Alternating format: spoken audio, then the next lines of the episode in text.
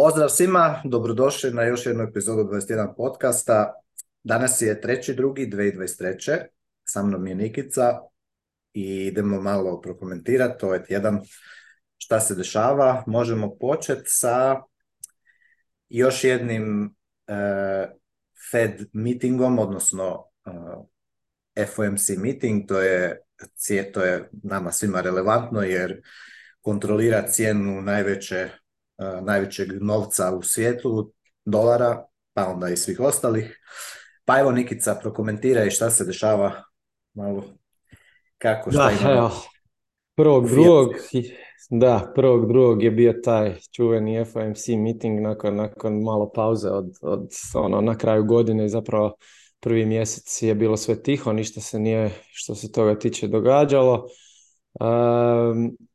Bilo je, dogodilo se, znači zapravo cijeli FOMC meeting je bio baziran na tome da oni ovoga donesu taj e, interest rate decision, odnosno za koliko će dignut, spustit e, kamatne stope.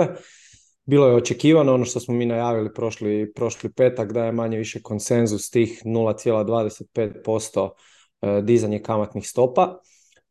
to se i dogodilo, tako da manje više ono ko je gledao onako Mm, jednominutni ili petominutni graf u trenutku uh, kad je FOMC meeting bio. Uh, može se vidjeti da, baš u osam kad su, u 8 na večer je po našem vremenu to bilo, u 8 na večer kad su oni objavili uh, taj, tu svoju odluku, nije se baš gotovo ništa dogodilo, jer je to nešto što su svi očekivali. I zapravo čekao se Pavlov govor koji je slijedio pola sata nakon toga, u kojem su zapravo najbitnije stvari bile mm, mm, onako gledalo se što će on točno izgovorit e, vezano za e, rate hajkove u budućnosti jer e, oni se približavaju znači mi smo o tome pričali praktički svaki taj FOMC meeting prokomentiramo na ovom podcastu i pričali smo o tome da se približavamo tom njihovom terminal rateu koji se zapravo oni ga nisu jasno dali rekli su da je oko 5% mi smo sad na 4,75% sa ovim zadnjim dizanjem od 0,25 i praktički smo se približili tom nekakvom terminal rateu do kojeg su oni htjeli ići i, i manje više e, ne znam, tko nikad nije gledao ovoga, taj FOMC e, govor od, od Paola, e, to se svodi na, na to da on pročita tu nekakvu odluku koju su oni donijeli i nakon toga idu pitanja od tih novinara koji, koji su tamo i pitanja se uglavnom tiču toga što ćete vi raditi u budućnosti. To je ono nekako što, što ja uvijek spominjem da je užasno teško na temelju takvih nekakvih brojki i takvih nekakvih novosti, ajmo reći, donositi nekakve trade odluke, jer je to već sve prajstinano i zapravo se sve temelji na tome što će on reći da će oni napraviti na sljedećem. Onda je to i sljedeće prajstinano.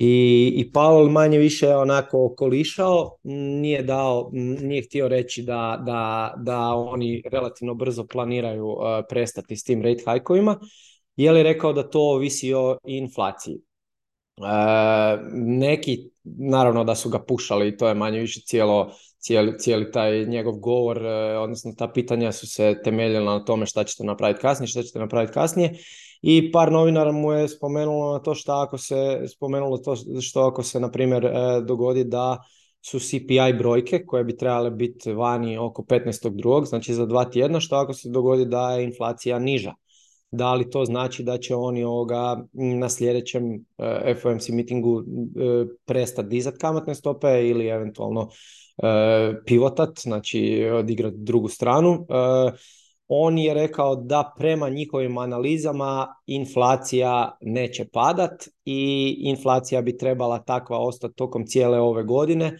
i oni tokom cijele ove godine kao ne bi trebali pivotat prema njegovim informacijama. Ali je isto tako dao mislim dao do znanja, nekako se moglo iščitati iz tog njegovog e, govora da ukoliko su oni u krivu i ukoliko se stvarno pokaže da inflacija pada, E, da bi ovoga, ovo moglo biti eventualno zadnje dizanje kamatnih stopa ili da bi eventualno nekad u bliskoj budućnosti mogli pivotat. Sad to je vrlo zanimljivo za pratit jer e, u principu e, kak ja velim ono sve je priced sad je manje više priced da, da, da, da ćemo imati pad tih CPI brojki i pad inflacije 15.2 do tad nema ovoga nekih velikih vijesti, tako da ne bi trebalo biti nekakvih velikih pomaka na tržištu.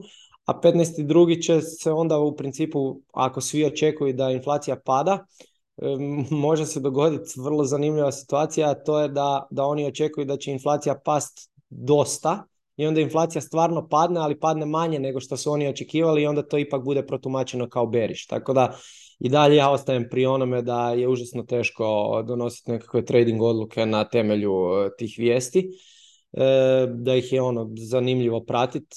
Definitivno mislim dolar, dolar i dalje pada.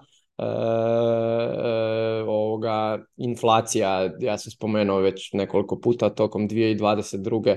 početkom godine je užasno rasla i mi zapravo već od nekakvog ljeta imamo usporavanje te inflacije na ono eh, month to month eh, bazi, ali, ali ovoga je stvar u tome da je na godišnjoj bazi i dalje raslo, raslo zato što smo imali veliki skok na početku godine.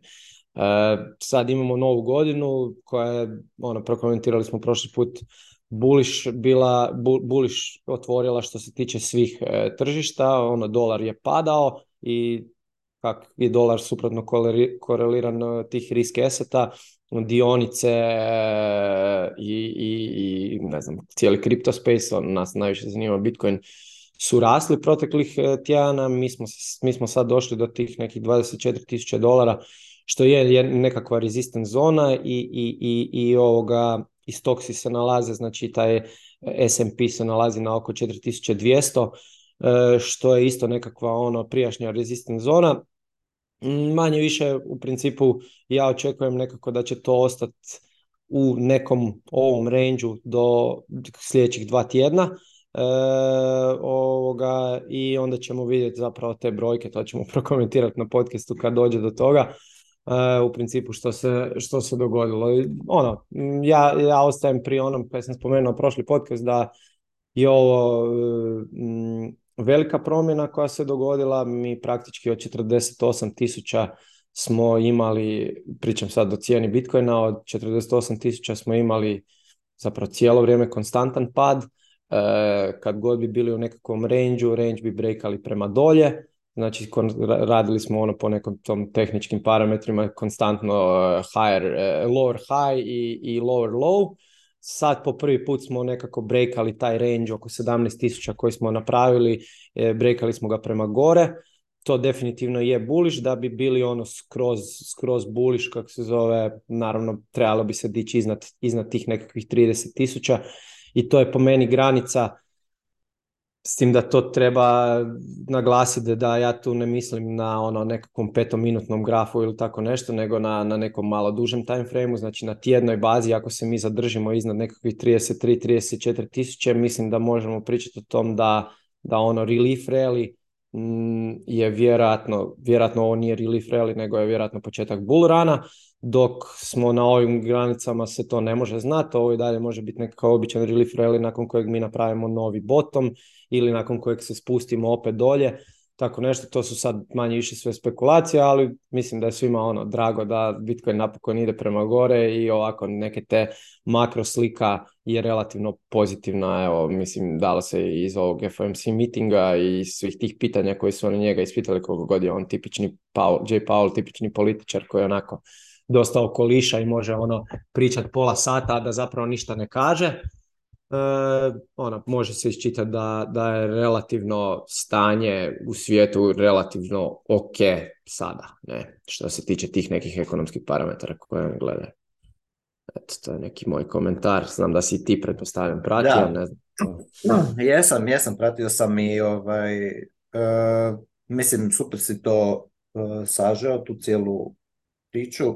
Ja bi dao još samo neke, ne, još jednu perspektivu za, za ljude koji to e, ono, interesira ko, ko sad, ajmo reći, e, primjećuje, ono, na, neki način da je živnulo, živnuo je i Bitcoin price je od početka godine skoro oko 40% je, je u plusu i dionice i, i sve ostalo.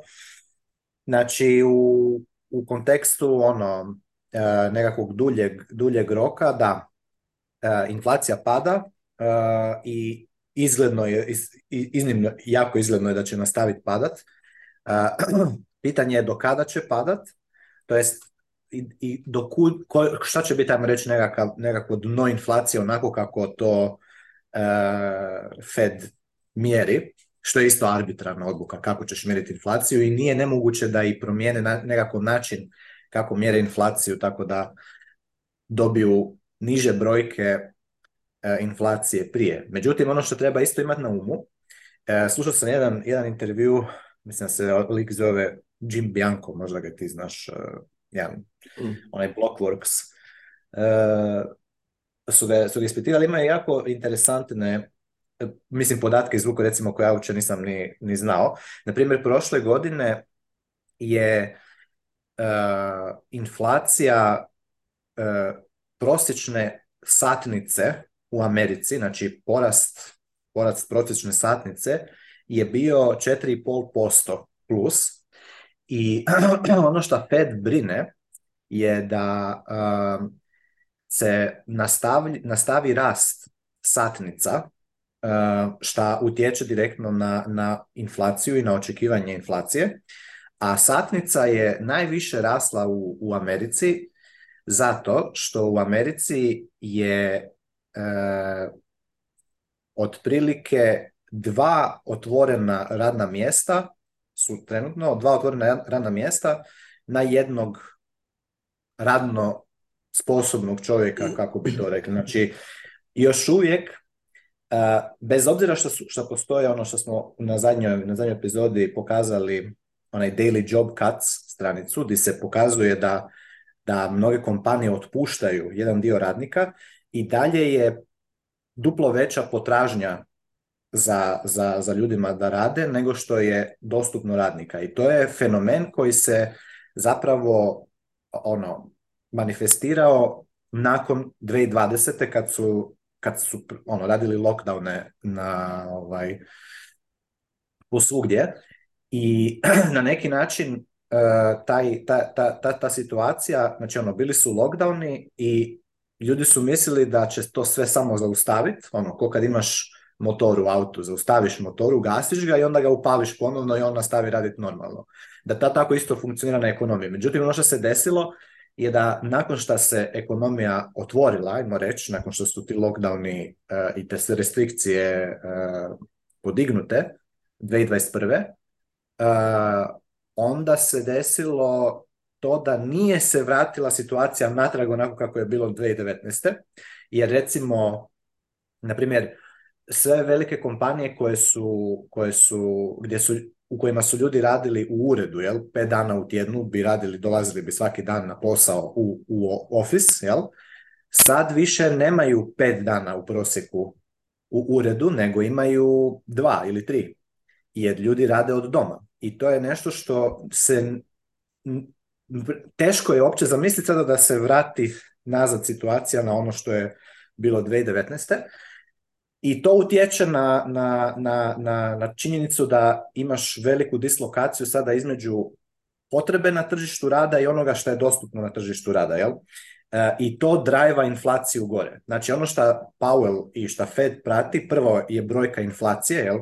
Ko, ono, CPI, core CPI, PPI, Producer Price Index i sve te brojke koje su, kako ih oni već šta, šta odluče, to im je najveća stvar da to spuste na 2%, iza toga gledaju kako je stanje na tržištu rada, jobs, znači to je ono, druga rečenica u ovom statementu je odmah da je job market još mm. uvijek ne pokazuje znakove posustajanja i znači dalje je strong. I ono što risk asseti eh, vide, recimo vide da se sada Kina otvara jel, i sad očekuje se praktički ono velika eksplozija potražnje i svega toga ono što inače kako je Kina do 2020. funkcionirala jel međutim ne treba mislim definitivno u ovom kratkom kratkom ajmo reći do sredine godine svi indikatori pokazuju bullish za za risk asete ali pitanje je da li će taj bullish, ne, ne, pitanje, nego je ekstremno ne, ne unlikely da će taj bullishness imat, eh, ajmo reći ono, eh, kako bi se to reklo, momentuma da ide dalje, jer, jer Kina se ne mora isto tako vratiti u ono stanje 2019. Nakon, nakon svih tih lockdowna, pogotovo u Kini je bilo još puno eh, ekstremnije to se skupa, taj zero covid njihov.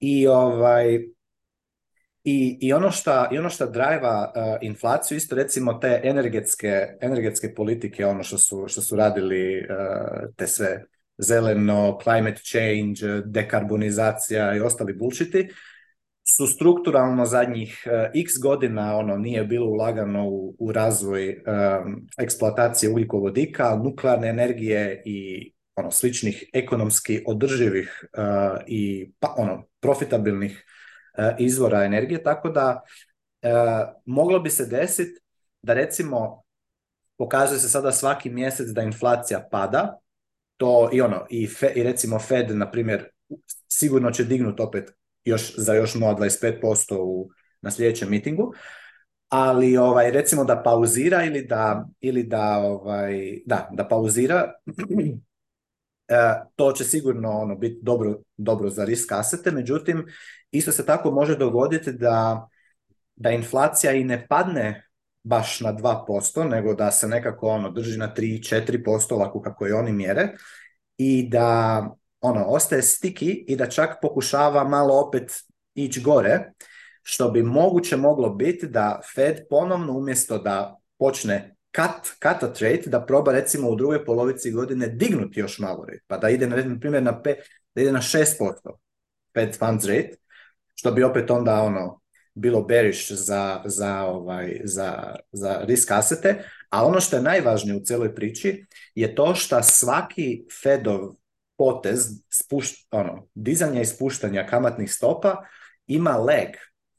Znači, leg ima dugačak. Na primjer, u svakoj recesiji do sada, ono što bi bio recimo jedan od glavnih uh, eh, forward looking indikatora za recesiju bi bila inverzija dva, dvo, uh, tromjesečnih i desetgodišnjih uh, yieldova na, na, obveznice. Jel?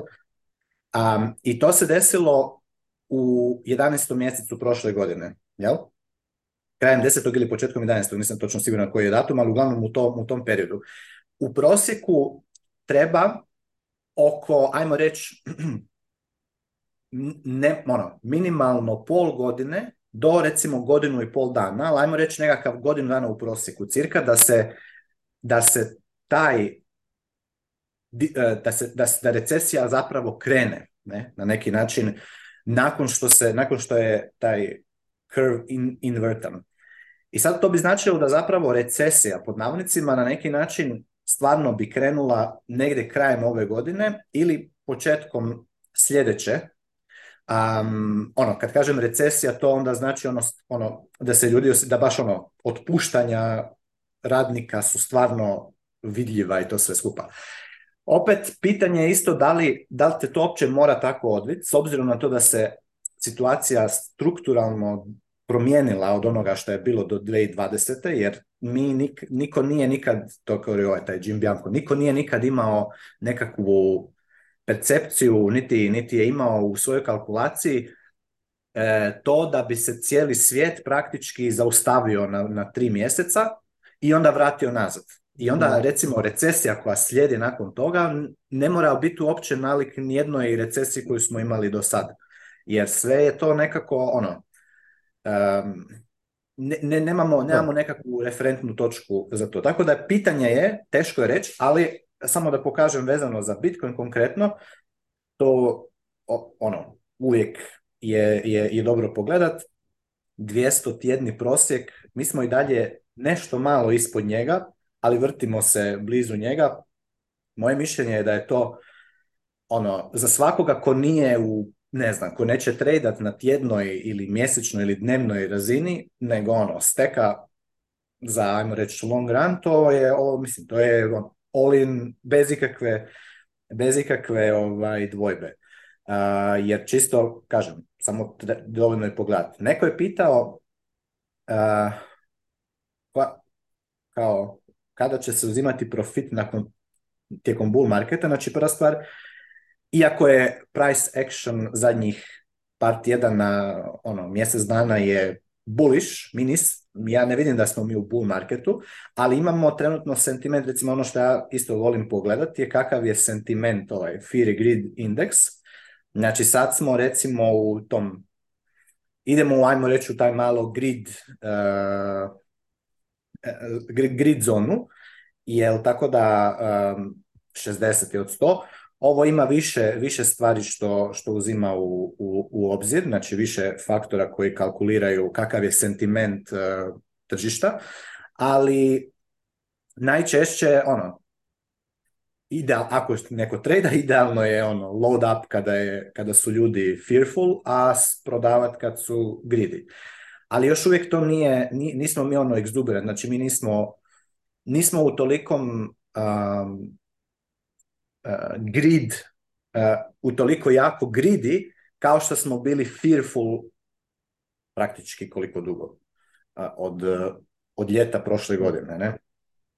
Pogotovo od kad je FTX mhm. rokno. Znači u ovom ovdje periodu oko 16.000 dolara, ovdje je ono bilo ono, bearish, bearishness all around. Svi su očekivali da će ono Bitcoin pas na 12.000 dolara ili na 10.000 dolara i da će onda se, onda će ono, oni loadat se i tako dalje.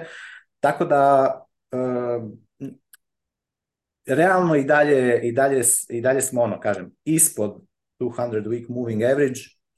E, ovo nije po meni zona gdje se uzimaju profiti za bilo ko, kažem, druga stvar je neko ko se bavi tradingom u kratkom roku, neko ko, ko, ko gleda dulji, dulji rok. Ovo definitivno nije zona kada se e, kup, ono, uzimaju profiti. Recimo, ja neću sada sigurno na full Bitcoin standardu kupovati nekakvu veću stvar, samo zato što je Bitcoin 40% napumpao od početka godine, nego treba biti puno, puno više ono tog uh, bullishnessa i greedinessa i ludila oko, oko toga svega, što ja zapravo očekujem prema, ono, prema do polovice godine da, da će biti. Koliki će biti price target u ovoj godini sad u tom bullish momentumu koji se definitivno nastavlja, ne znam, ali e, mislim da ne može, ono, e, mislim da dogod smo u ovoj, u ovoj eri e, Bitcoin, Bitcoin halvinga, odnosno kreacija novih Bitcoina, gdje generiramo 900 Bitcoina na dan, Mislim da tako, ne, ne, ne, možemo, ne, nećemo sigurno otići na milijun dolara e, u ovoj godini mm. po Bitcoinu. Ali recimo nakon sljedećeg halvinga je već priča malo drugačija, tako da kažem, mm. ne mora, ovaj, to su sve spekulacije, ali ono, ipak imamo nekakvu, nekakvu informiranu spekulaciju. A mm. kažem, situacija je takva da on fokusirajte se na, na svoj posao, E, optimizirajte troškove, imajte što veći savings rate i akumulirajte Bitcoin u ovom području, je to je ono, to definitivno... To je povijesno dobro. Da, povijesno dobro i nije tako daleko do, do, do halvinga, jer halving je evo šta, da vidimo mm. opet i njega pogleda 452 dana još.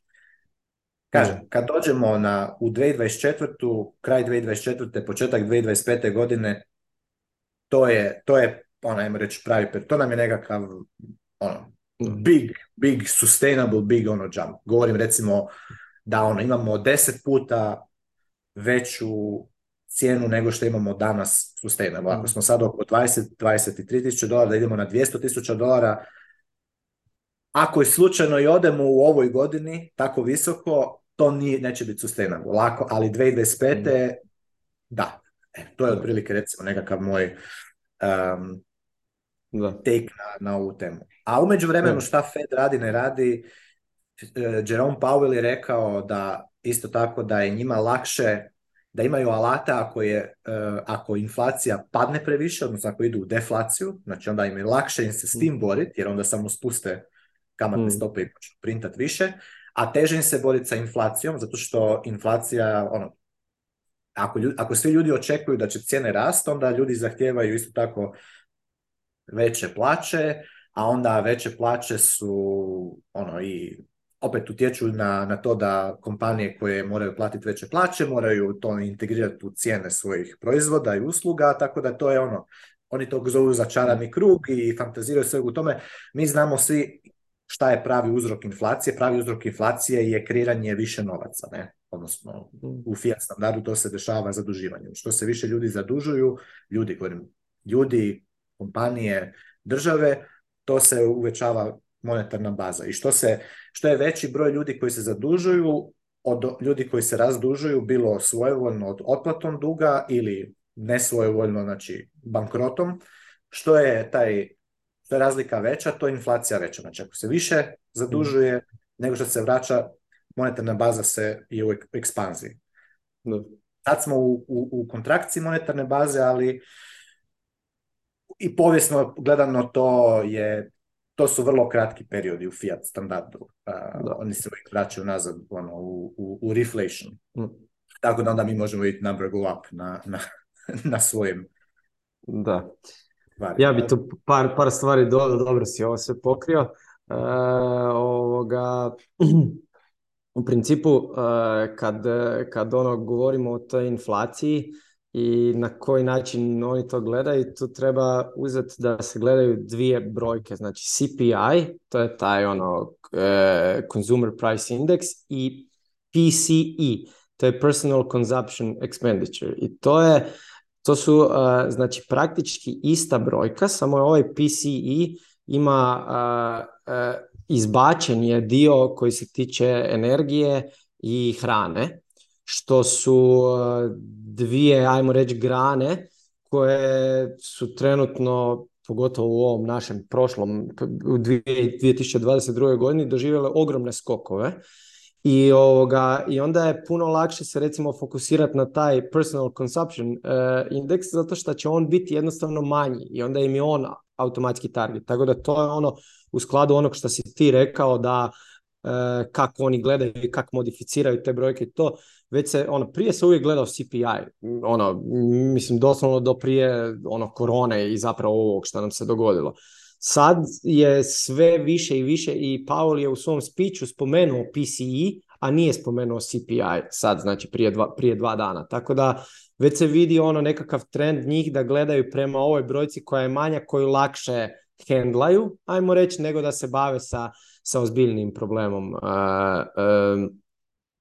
Ovoga, to, je, to je jedna stvar koju sam htio reći. E, druga stvar se tiče ovog pitanja, recimo ono kada uzimati profite. E, to apsolutno nitko ne može reći i prvo to je ono individualno jer ovisi o tome kad si kupio, ako si kupio na 23.000 nećeš prodati na, na, na 24, ako si kupio teoretski na 15 možeš prodati na 24, tako da to pretpostavljam da, da je tražio odgovor na nekakvo ono općenito, općenitu situaciju i ja to uvijek gledam ovako. Znači, e, kad smo mi bili na 17.000, svi su bili beriš i zvali 10.000 dolara.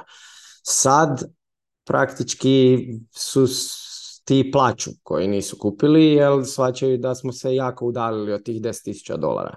E, po meni će se sljedeći pad, odnosno nekakva korekcija dogoditi kad svi ti odustanu od tih 10.000 i krene kupiti odmah, onda ćemo vrlo vjerojatno dobiti nekakvu korekciju od 2, 3, 3, 4, 5 tisuća dolara. To se ne mora dogoditi sad, to se može dogoditi na 30 i nešto tisuća dolara. To nitko ne zna, to, to jednostavno ono, zato ja volim e, tehničku analizu i volim market, iako to nije za sve, ali manje više sve ove vijesti, sva, sva ta mišljenja, to je sve u grafu. Znači, ono, graf je, e, ono, ja, ja, ja volim povezati ono, e, tehničku analizu sa austrijskom ekonomijom jer, i onim human actionom. Ne? Znači, human action su, eh, su akcije svih pojedinaca koji su uključeni u market. I to je doslovno prikazano na grafu. Znači taj grid, taj strah, sve to, sve, sve to uključeno. I tak isto, znači ovu paralelu koju sam dao sa 17.000 i 10.000, tak isto recimo kad smo bili na 60.000 su svi zvali 100, 100.000, ne znam, 100.000 je sljedeće i to. Tako da ako ćeš na temelju takvih nekakvih stvari eh, tražiti gdje uzimati profite, onda je najbolje na temelju nekakvog sentimenta. Možeš vidjeti kakav je sentiment na Twitteru, možeš vidjeti kakav je sentiment u medijima, na primjer ono indeks ili tak neki hrvatski portali e, ili bi bilo čiji tu naši lokalni portali su dobar e, indikator. Ne? Ono kad e, indeks je prije nekoliko mjeseci pisao o propasti Bitcoina, kak je gotovo, kak sve ide dolje, ono FTX je bio u medijima svugdje. Nakon toga smo dobili E, smo dobili skok i, i obrnuto vrijedi za kad smo bili gore. Tako da, ono, probaš nekako ovoga, to je užasno teško zato što možeš biti u krivu i može ti se dogoditi nekakva kratka korekcija i nakon toga da cijena ode gore. Zato ja velim da ono u principu Bitcoinom se ne bi trebalo tradat. E, Bitcoin je nešto najbolje što smo imali u povijesti za štednju. E, slušaj ono šta Pao govori, troši, e, fokusiraj se na svoj posao, troši manje nego što zarađuješ, ostatak spremaju Bitcoin. Kad ti za nešto, za nešto treba, prodaj Bitcoin i to je to, nemoj se zamarati kretanjima cijena. Svi žele, doslovno ne postoji osoba u Bitcoinu koja nije htjela prodat svoje bitcoine, ne ide i kupiti ih niže. To je apsolutno, svi su to htjeli mnogi su probali i opekli se. Ono, imate on, razne primjere ovih nekih full poznatih deova, recimo Luke Dash Jr. je jedan od poznatijih koji je rekao da je doslovno probao tradat na temelju Mayer multipla, ne znam, 2015. 2016. da je ostao prek, eh, sam, prek 2000 bitcoina izgubio. Roger Ver je u jednom trenutku imao 400 tisuća bitcoina i onda je napravio svoj bitcoin cash s kojim je sigurno planirao imati više bitcoina nego što ih je imao i na kraju je završio sa e, ohoho manje bitcoina. Tako da to nije ono, niste jedini u tome i mm, ono, nije potrebno to raditi. Bitcoin cijena ide gore, to je ono ako se postavite u nekakve te okvire da je Bitcoin štednja, očuvanje nekakvog svog vremena koje ste utrošili na poslu, i za koji ste dobili nekakav novac, znači očuvanje tog nekakvog purchasing powera, taj dio će, će, će Bitcoin odraditi eh, i, i još ekstra s obzirom da se radi o jako malom asset klesu trenutno kojem predstoji velik upside. Ne? Kad taj upside u jednom trenutku prestane, a to može biti doslovno 10.000% iznad ove cijene ili više, E, onda ćeš imati stabilan nekakav asset class koji će doslovno samo, ono, koji će se ponašati kao što se zlato ponaša danas ili tako nešto, ne?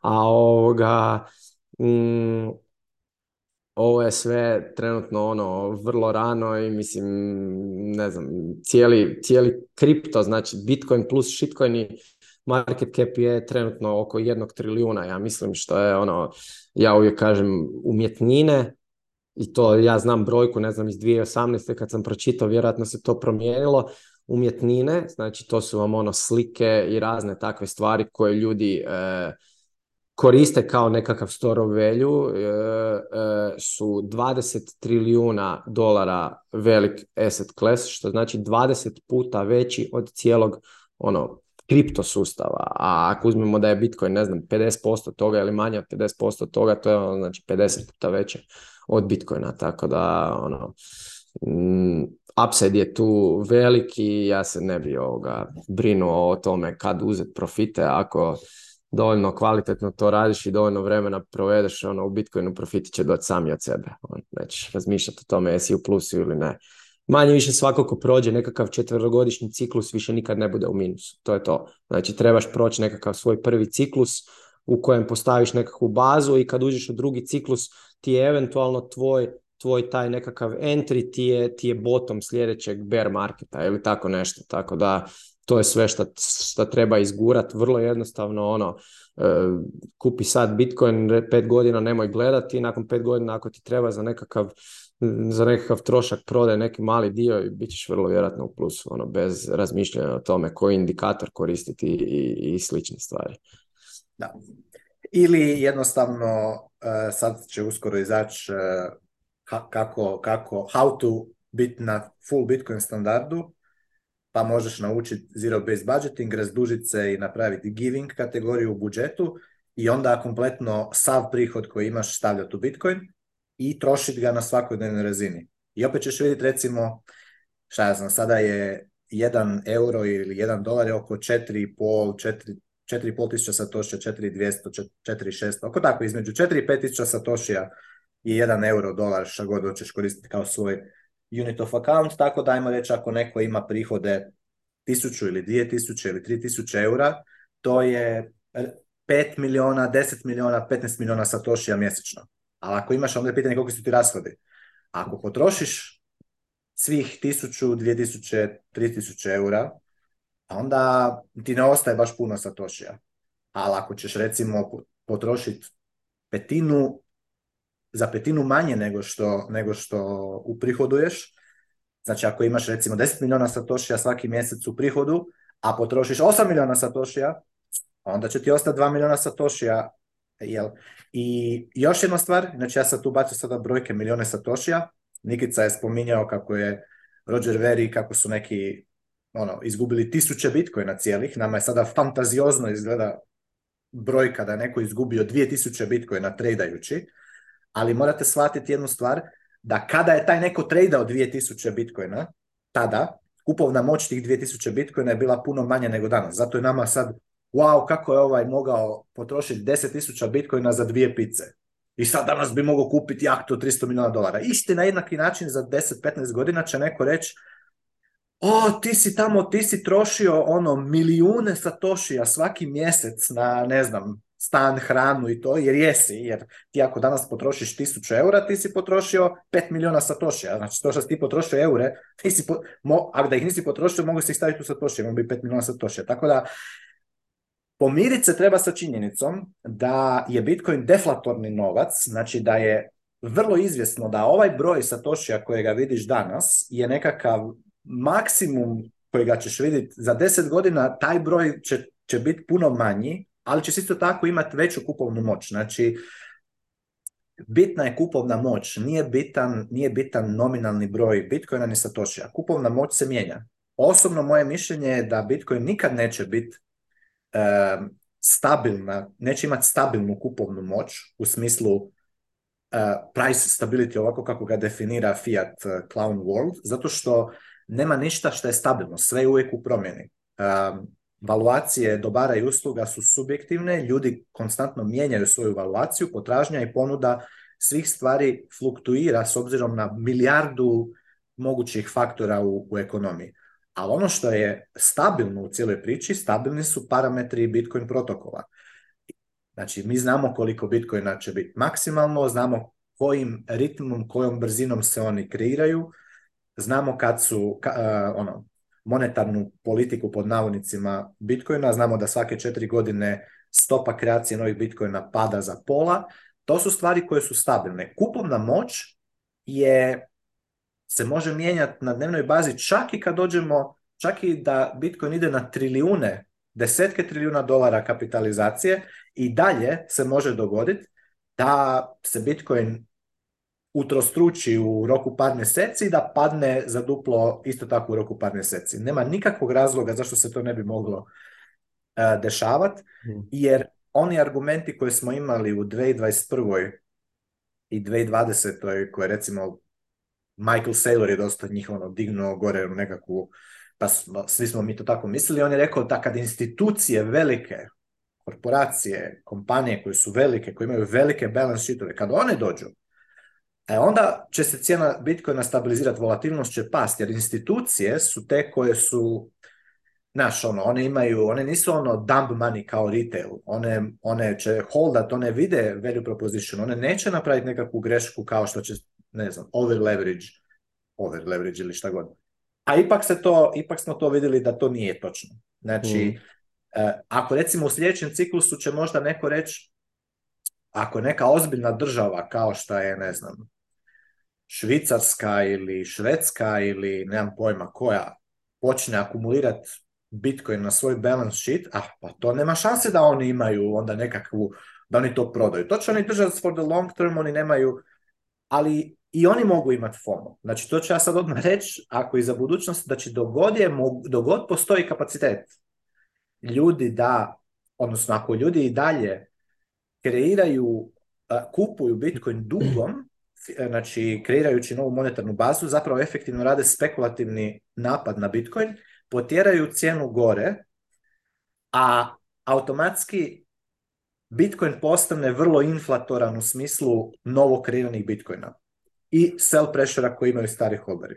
Jer kažem, dok god mi imamo, tu, tu, znači dok god se novi, nova količina Bitcoina kreira, a mi ne znamo koliko je Bitcoina izgubljeno efektivno, znači ne znamo koliki je stok, onaj efektivni, koliko se može prodat, e, dokle i dok postoji fiat, znači dok postoji leverage buying, dotle će biti ranapovi u mm. cijeni i kreševi u cijeni Bitcoina. Ali to za nekoga ko želi koristiti Bitcoin u svojoj punoj punini nije relevantno, odnosno relevantno je u smislu da to se može koristiti u tvoju korist. Znači, volatilnost Bitcoina može raditi u tvoju korist. Znači, to nije nešto što je inherentno loše. To nije bug Bitcoina, to može biti feature. A može biti bug ako ne znaš kako to, kako to raditi. Znači, evo, mi smo sad na, ovom, na ovoj epizodi. Nikica više radi na tradingu, ja više radim ono u smislu da sam ono na full Bitcoin standardu, Eh, da ga trošim na svakodnevnoj razini i svaki prihod konvertiram odmah u Bitcoin. Tako da e, u principu mi i, i oboje radimo ono što šta kaže, ajmo reći, buy low, sell high, jel, na neki način. Ono što je sad pitanje za većinu ljudi šta će biti u budućnosti e, naj, naj, naj, ajmo reći, efektivnije. Moj argument i moje mišljenje je da će najefektivnije biti da kompletno eliminiraju fiat iz svog života i da nauče handlat Bitcoin volatilnost. Jer e, sve što ti moraš napraviti ako Bitcoin, ako ti tvoja kupovna moć padne, je nadoknaditi je sa većim prihodima i reducirati taj pad koliko možeš sa manjim rashodima. I obrnuto, obrnuto kad, je, kad ti kupovna moć jako raste.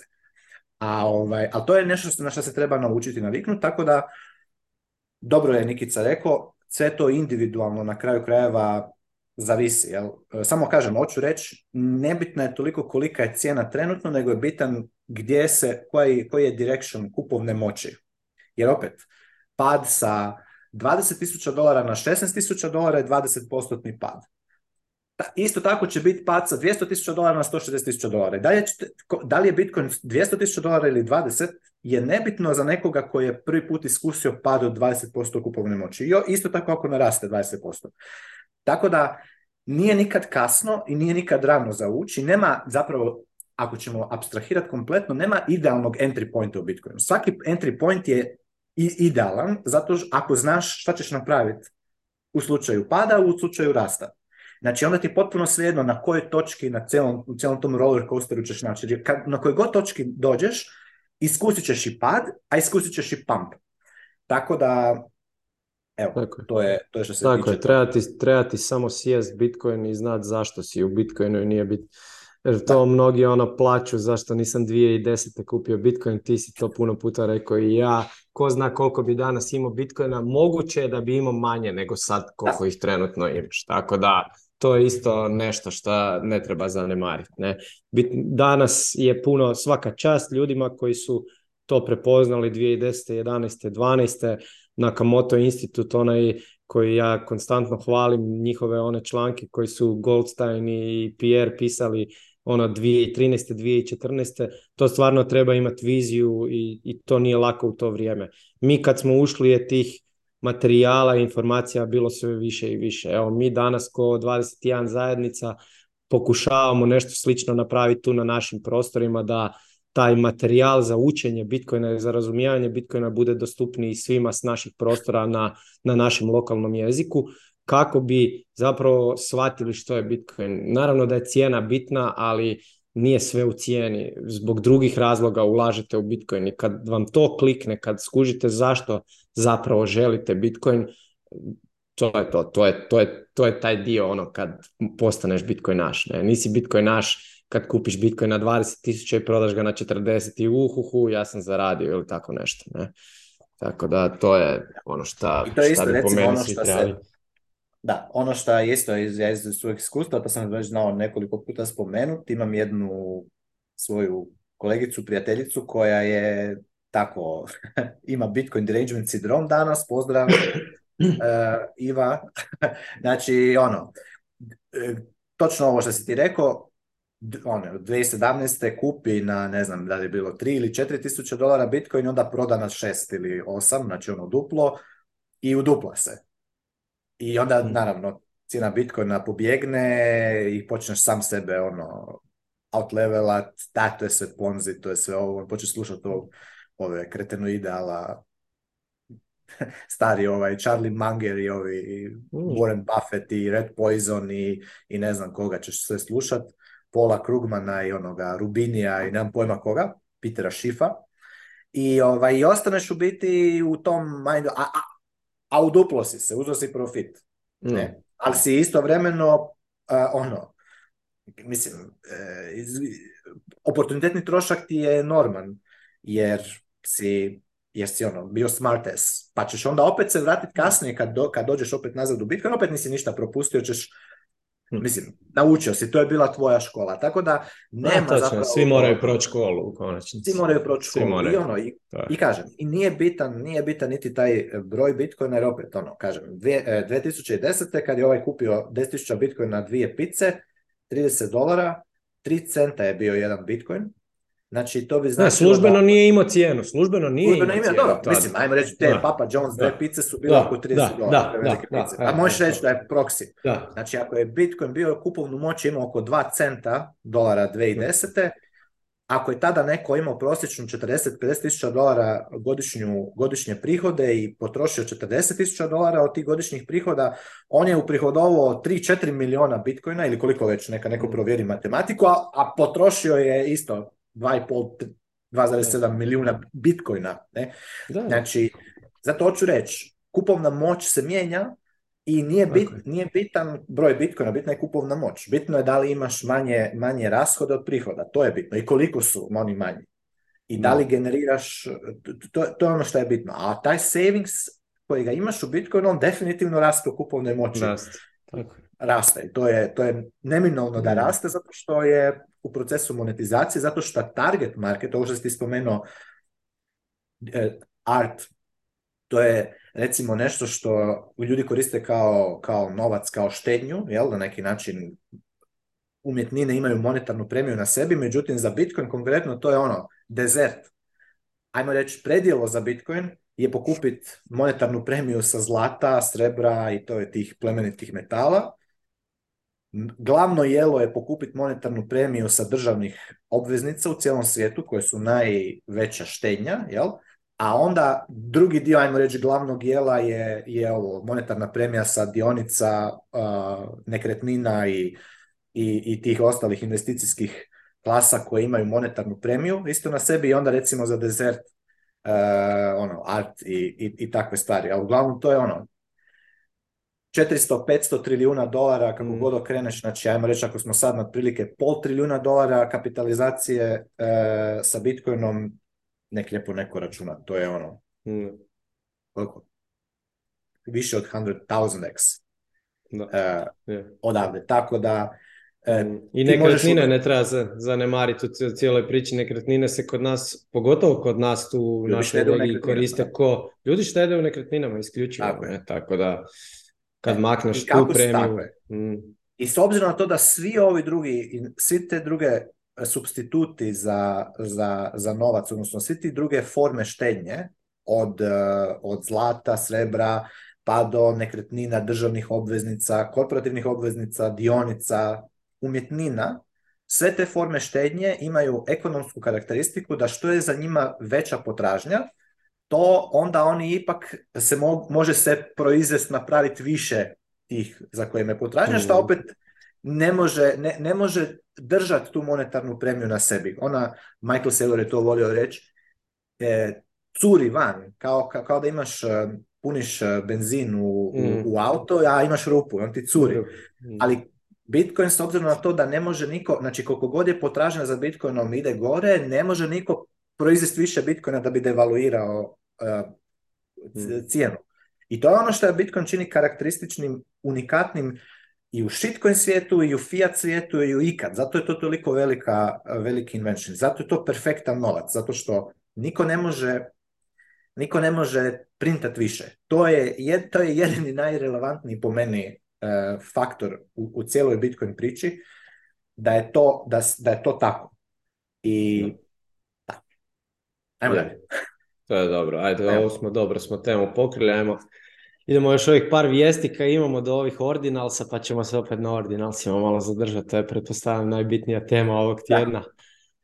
A ovo šta još imamo? Imamo ove grozne stvari iz Europske unije koje se samo nastavljaju da evo, EU chat control zakon planira zabraniti open source operativne sustave. Doslovno ne znam na koji način se to planira ovoga provesti, osim preko ono, ne znam, vjerojatno ono, ne znam, na mobilnim, na mobitelima ono, preko App store ili Google Play store ili sličnih stvari, ono, vjerojatno tako, ono, da ti trekaju. nisam, nisam ušao previše to, vidio sam tu vijest, u svakom slučaju, ono, u skladu onoga što pričamo već zapravo skoro godinu dana, a to je da EU radi onako sve kako bi kako bi ona zapravo naštetila nekakvoj ono privatnosti, ono suverenosti svojih građana, ono.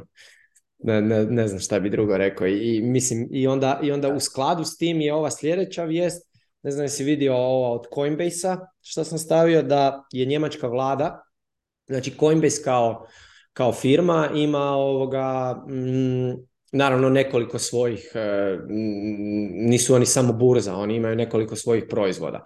Jedan od tih proizvoda im je taj nekakav tracker, ne znam točno samo ono kako se zove, zove se software Coinbase Tracer, SG. I ovoga, mm, i njemačka vlada je potpisala s njima korištenje tog tracera kako bi zapravo e, pratili svoje korisnike koje koriste e, e, sve kriptovalute, vjerojatno tu i Bitcoin upada, putem, ono, zapravo to je nekakav ko njihov ono chain ajmo reći, samo je odrađen baš od strane Coinbase-a, nije od ovih nekih drugih, drugih firmi, ali ono, znači u principu isto ono što smo, što se događalo sa ne znam, isto smo to prije šest mjeseci pričalo sa zabranom e, e, korištenja burzi, Binance-a, ne znam, Krakena i sličnih za državljane Irana, Rusije i slično. Ovo je u skladu time, samo ovo nisu zabrane, nego su ovo ono inkognito, mislim ovaj ugovor je neko iščupao na Twitteru pa sam ja to stavio tu kao vijest, to su ono inkognito nekakvi ugovori za koje zapravo korisnici ne znaju, a ono manje više ih se prati da bi se, da bi ljudi iz Brisela imali kontrolu nad e, svojim državljanima. Ne, tako da, eto, to su te dvije neke vijesti iz EU-a koje, naravno, ja mislim da ja moram reći, jednom imali pozitivnu vijest. Reci slobodno. Mislim, moram reći da, ovaj, mislim, ljudi, mislim, moramo, moramo malo isto, ono, get real, mislim, koga, koga briga što neki birokrat u, u, u Briselu ili gdje god e, fantazira, mislim, ono, e, prdac u vjetar, znači, nemojte se, ono, hvatite se svojeg života, onoga što vi kontrolirate, uvijek će biti e, svakakvih jazavaca i, i ljudi koji bi htjeli nametnuti neku, neku svoju volju na, na, na tuđi, znači, ono, na tuđi život. E, ako ste direktno ugroženi od nekakvog kriminalca tog tipa, zaštitite se. Znači, to je ono, ako, si u ako dođeš u nekakav, e, na neko mjesto gdje je ono, visoka stopa kriminala ili nemam pojma čega, napravit, bit ćeš pametan pa ćeš, pazit ćeš šta radiš, zaštitit ćeš se. Ako nisi, ako si, mislim, ako, ako te to ne direktno ne, ne, ovaj, ne, ne dira, nemoj se ono uhvatat, ono, trošiti vrijeme na, na, ajme meni grozno, grozno. Ok, da, gledaju, hoće cenzurirati, neće cenzurirati, pa šta, pa šta, svašta hoće. Znači, države su kroz cijelu povijest uvijek pokušavale nešto, nešto cenzurirati i uvijek je, kako onaj Giacomo Zuko kaže, uvijek je nešto bilo koja stvar koju god ti zamisliš sada da ti radiš, negdje u nekoj državi je nelegalna, ilegalna. Pa šta? Hmm. Šta me zaboli? Šta je? Je to ilegalno ili ilegalno? Ono što je, ajmo reći nekakvom prirodnom pravu, ajmo reći ispravno, je da ne agresiraš protiv tuđe imovine i protiv tuđeg tjelesnog integriteta, znači zna se šta su, ono što bi rekli, Božje zapovjedi, sve ovo hmm. ostalo je, je ono, zaštiti se, mislim, mi kažem, nećeš, nećeš ovaj, nećeš se to sam... To je libertarijanski.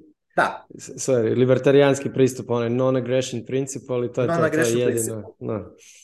Da, e, baš je evo Seyfedin je e, pred par dana imao, sad dovršava u knjigu Principles of Economics, tako da je ovaj, na 16. chapteru ono je, chapter se zove Violence, znači ono, da svaka, ekonomska interakcija između ljudi može biti ili voluntary, znači ono, da oba dvije ili koliko god strana ulaze u taj odnos svojom voljom, ili može biti da jedna strana nameće, odnosno da koristeći silu, prisilu ili e, prijetnju silom e, pokušava ono, dobiti nekakav ekonomski, ekonomski benefit.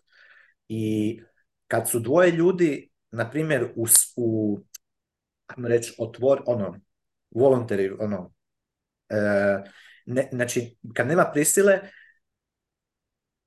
taj odnos je najčešće na benefit oboje, jel?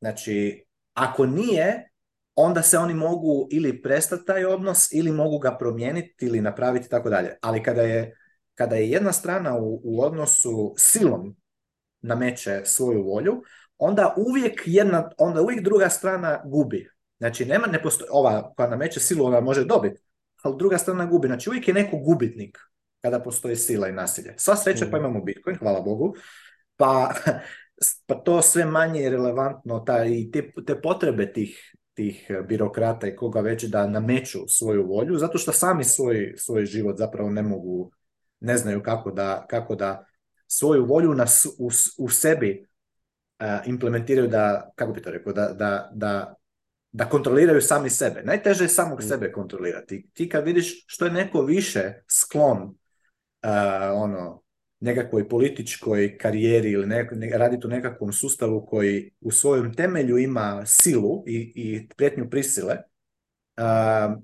to je taj čovjek zapravo ima manju kontrolu nad samim sobom i sve zapravo je više, više je ovaj, ono, hoće nametat drugima. Tako da, ono, u, u moje nekakvoj anarhokapitalističkoj slici svijeta, koja je sve više i više ono jaka, jača, ono, pogotovo i zbog Bitcoina i zbog toga svega šta, šta učim, ja nisam takav bio prije, ali definitivno to, mislim, šta, pa šta me briga što neko tamo Hoće Benat, pa benaj pa šta, evo, ja bi da zabranim, ko ovaj, šta je rekao, Charlie Munger, a ja bi zabranim, treba zabraniti kripto, Bitcoin se treba zabraniti.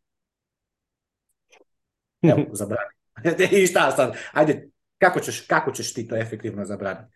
Mislim, to su sve bullshiti. Znači, ono, pokušavali su oni zabranjivati svašta, pa sve što dobiješ je advertisement za, za tu stvar i nažalost dobiješ ono black market i, i, i, ekstra, i ekstra cijenu šta god da se zabrani. Tako da, ali konkretno novac definitivno zabraniti ne možeš i kogod je to pokušao, eh, nije, nije, nije uspio. Da. Tako da, lako šta, šta Ne, dobro si, apsolutno dobro si rekao to. Da, ne treba se zamarati ja, već, već, već kenjamo o tome neko vrijeme i pa uvijek su negativne vijesti i manje više. Da, pa Bitcoin doesn't care i to je to. Ono, ja, ja, sve te, ja sam prije e, neko, oni su ti, Europska komisija i nemam pojma, oni su ti imali čak e, na Twitteru su ranali one paid adove to je prije u mhm.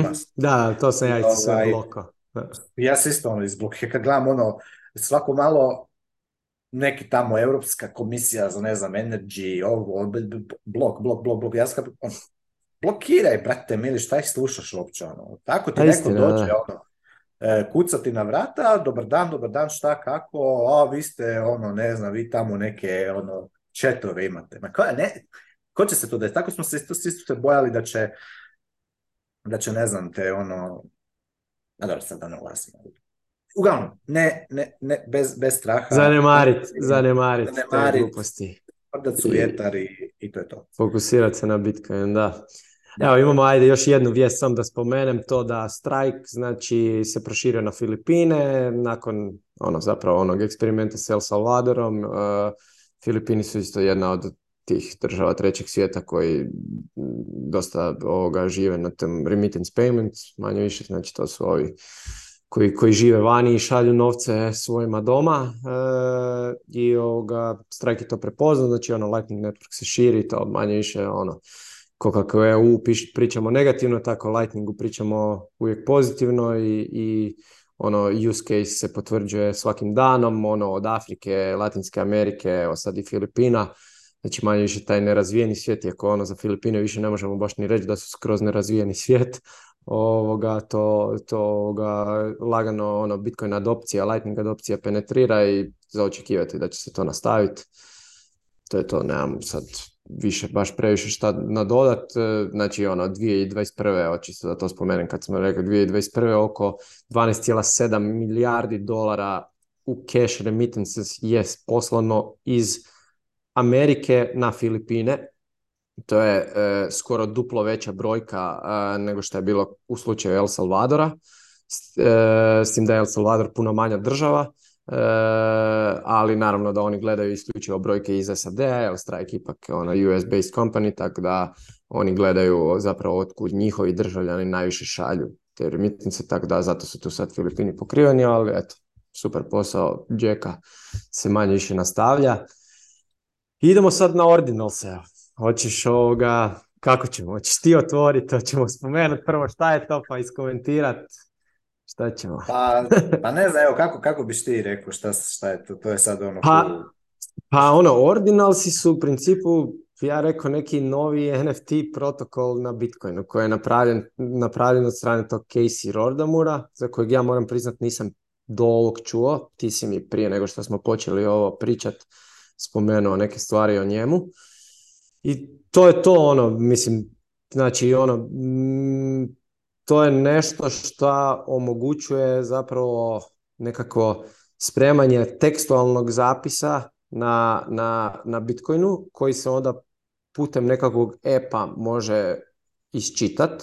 E, ovoga, e, u principu e, Teprut je to omogućio na Bitcoinu, e, jer je prije taj sad, mislim to su vrlo tehničke stvari, a prije taj space koji, koji je taj tekstualni dio mogao zauzeti bio oko 80 bajta, ja mislim, sad trenutno tepru, Teprutom, s obzirom da se mora platiti fee, se može iskoristiti gotovo cijeli blok od 4 megabajta, E, isto tako smo naravno onda imali najveći blok ikada mina od Luxor Mining Pula prije nekoliko dana 3,96 MB koji je sadržavao jednu sliku, jedan NFT.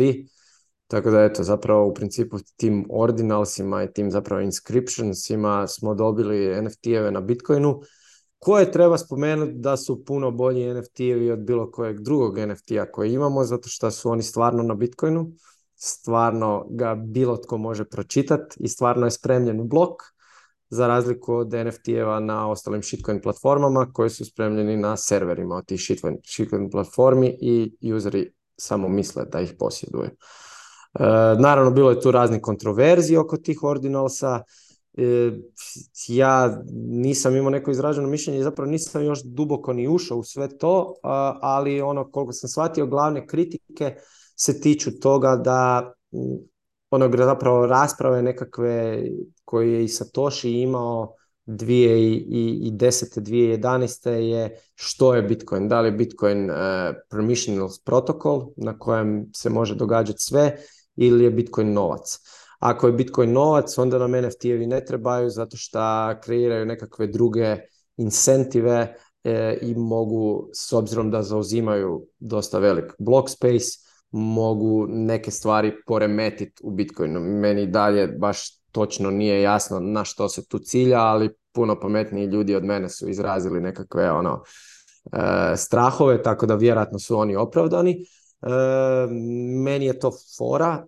Ja sam nekako ovo je možda malo ono kontroverzno, ali ja sam nekako od uvijek o tim NFT-evima su mi nekako najviše imali smisla od tih shitcoina, jer ono ja sam ne znam i koklinac, ono znam i u Americi ono da su se skupljale one baseball kartice i te stvari, ono koklinci smo mi svi skupljali nekakve sličice ili tak neke, ono uvijek su one rijetke, imale nekakvu vrijednost ili tako nešto, danas živimo u digitalnom dobu, mogu vidjeti da nekakva ta ono umjetnost, art ili kako to hoćemo nazvati neki collectibles eh, na blockchainu mogu zaživjeti. Ono zašto sam ja bio kritičan eh, protiv njih je iz istog razloga zbog kojeg sam kritičan prema shitcoinima, što je to glupost, to je, ono, ne posjeduješ to, to je na Vitalikovom serveru ili tako nešto.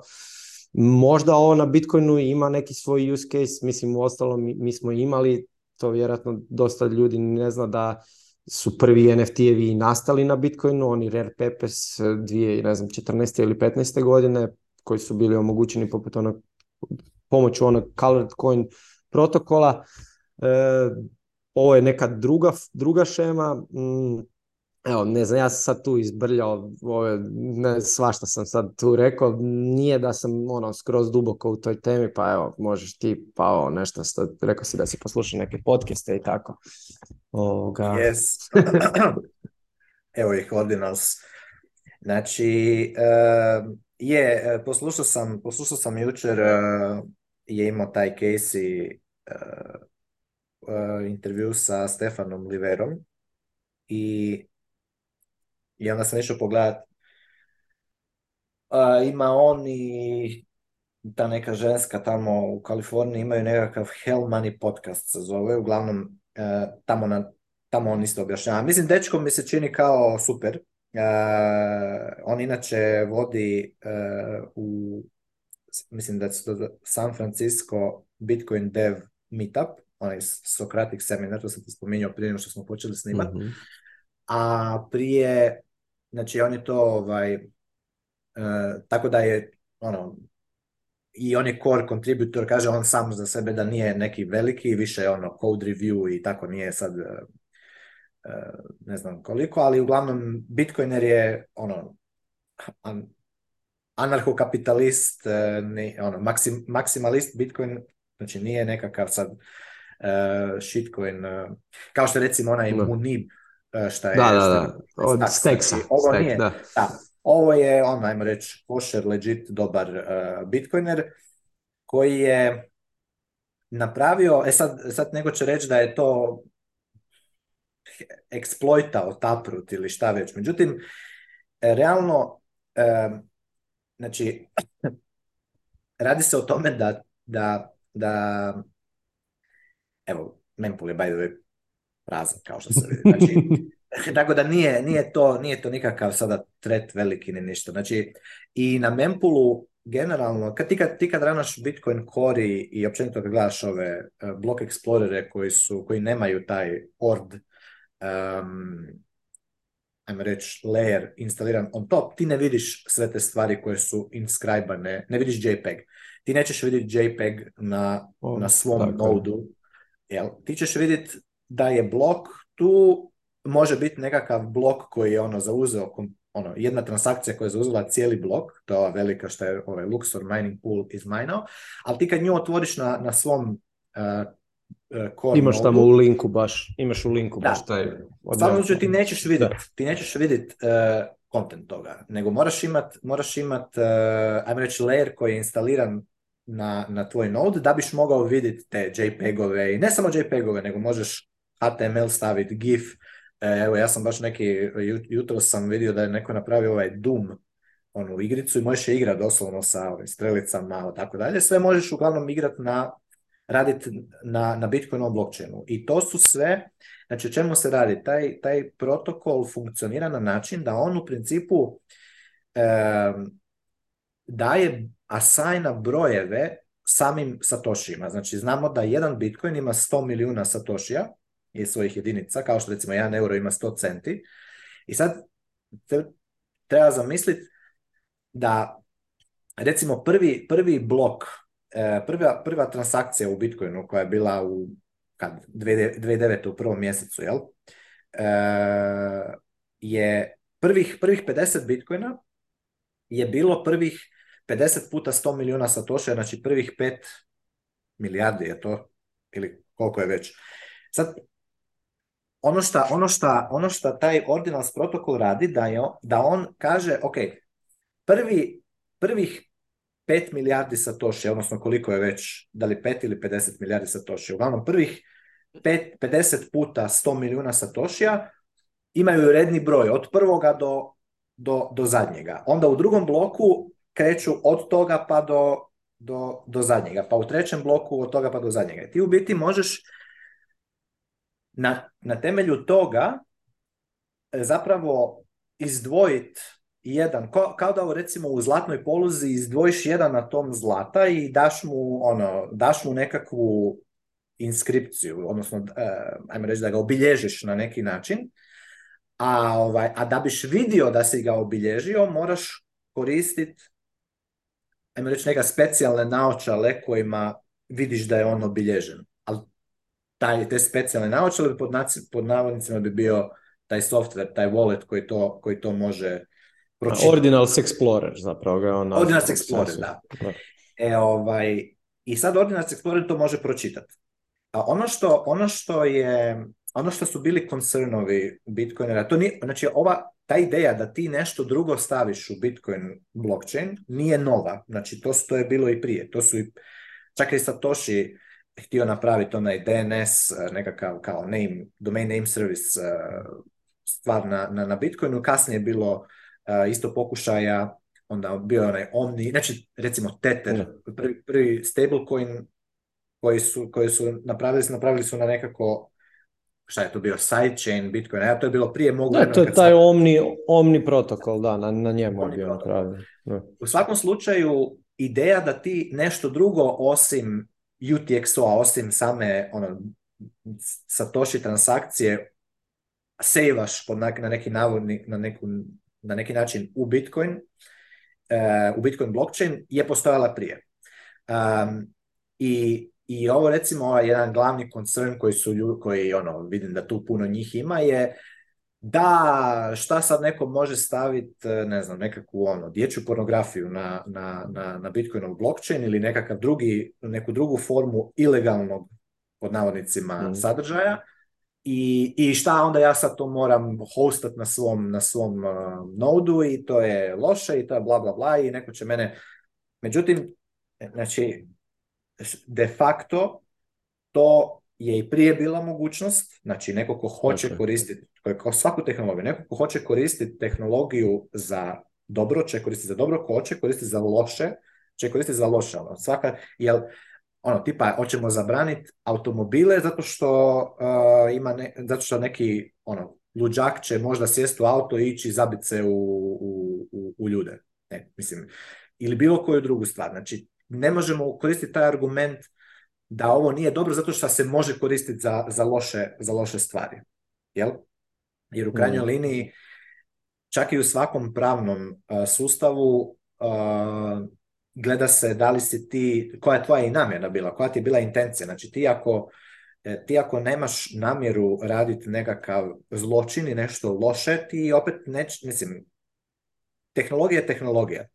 Ali ono što je, ali ono isto što recimo nije točno u ovom konkretnom slučaju, nije točno da tvoj node save-a save taj, kako bi rekao, taj JPEG, eventualni koji neko inskrajba na, na Bitcoin. Nego tvoj node, njemu je bitan UTXO set, jel? I na kraju krajeva ono što se nalazi u tom witness data, znači ono što se zove segwit, to taj ta, taj sadržaj gdje se nalazi signature, gdje se nalaze još druge stvari, potencijalno nekakav uh, ono, kod koji je, koji je mm. nekakva logika koja, koja, koja egzekuta um, se kada se, kada se blok um, izmajna. Um, ona nije ona ne mora, ne mora nužno završiti da ti, da ti nju držiš u, u svom Bitcoin uh, core. Tvoj Bitcoin core mora nju procesirati da bi, da bi vidio da li je da li je, ovaj, da li je transakcija validna, da li, je da li konformira sa, sa konsenzus pravilima Bitcoin protokola, ali nakon što je ona to potvrdi, tvoj kor potvrdi, on to ne mora nužno sevat na, na, kao, kao, svoj, kao svoj disk.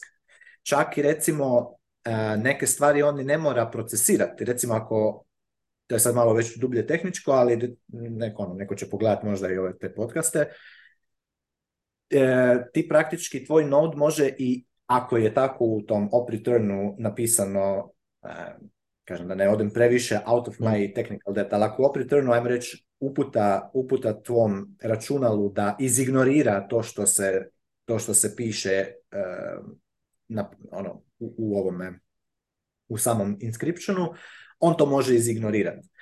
A ono što je činjenica je da blokovi su znači da su blokovi bili nekad se znalo i prazni. Znači nisu uvijek bili, pogotovo sad u ovom periodu kada je ono, sentiment je, bez obzira, još uvijek beriš, znači nema, nema ono retaila, niko nije, nema FOMO-a u Bitcoin i tako dalje. E, znalo se, evo recimo, ispra, ono, izmajnat blok koji nije pun. Ok? Znači, mm. sad, da li tvoj da, ako je svaki, svaki blok ispunjen i pun do kraja, znači ne znam, 2 ili 4 megabajta ono u teoretskoj maksimumu e, može biti pun, da li, je to, da li to utječe na tvoj inicijalni, inicijalnu sinkronizaciju uh, e, uh, e, noda, da će ti trebati malo duže vremena ako sad, od sad pa nadalje svi blokovi ono forever budu ono u do maksimuma ispunjeni, da, treba će ti malo više, ali isto tako u praksi to nije slučaj jer vidimo evo ove blokove, znači mm. nije, nije, nije, tako da čak i sa, čak i sa ovim cintim hajpom i krezom oko tih ordinalsa nije da su svi blokovi ono 3-4 megabajta. Da. Aj baš na, daj, daj nađi taj od 4 megabajta. Vidiš da kuš, to je zanimljivo ono što smo pričali e, Vidiš kako je tu zapravo maksim, maksimum 2 megabajta, a maksimum je 2 megabajta upravo zbog toga što ne koriste svi E, native segwit, nego ima starijih tih e, adresa koje, to, to je ono, ne znam koliko oni za, koliko koja transakcija zauzima, ono koliko je signature, koliko je bla bla bla i to. Segwit je to pospješio, ali i dalje mislim zapravo na taj način možeš uzeti i, i, i da su ovoga e, da, to je, je li je to ta? Znači, to je, evo ga da vidimo gdje je taj... Znači, to je ne, ona 3,9.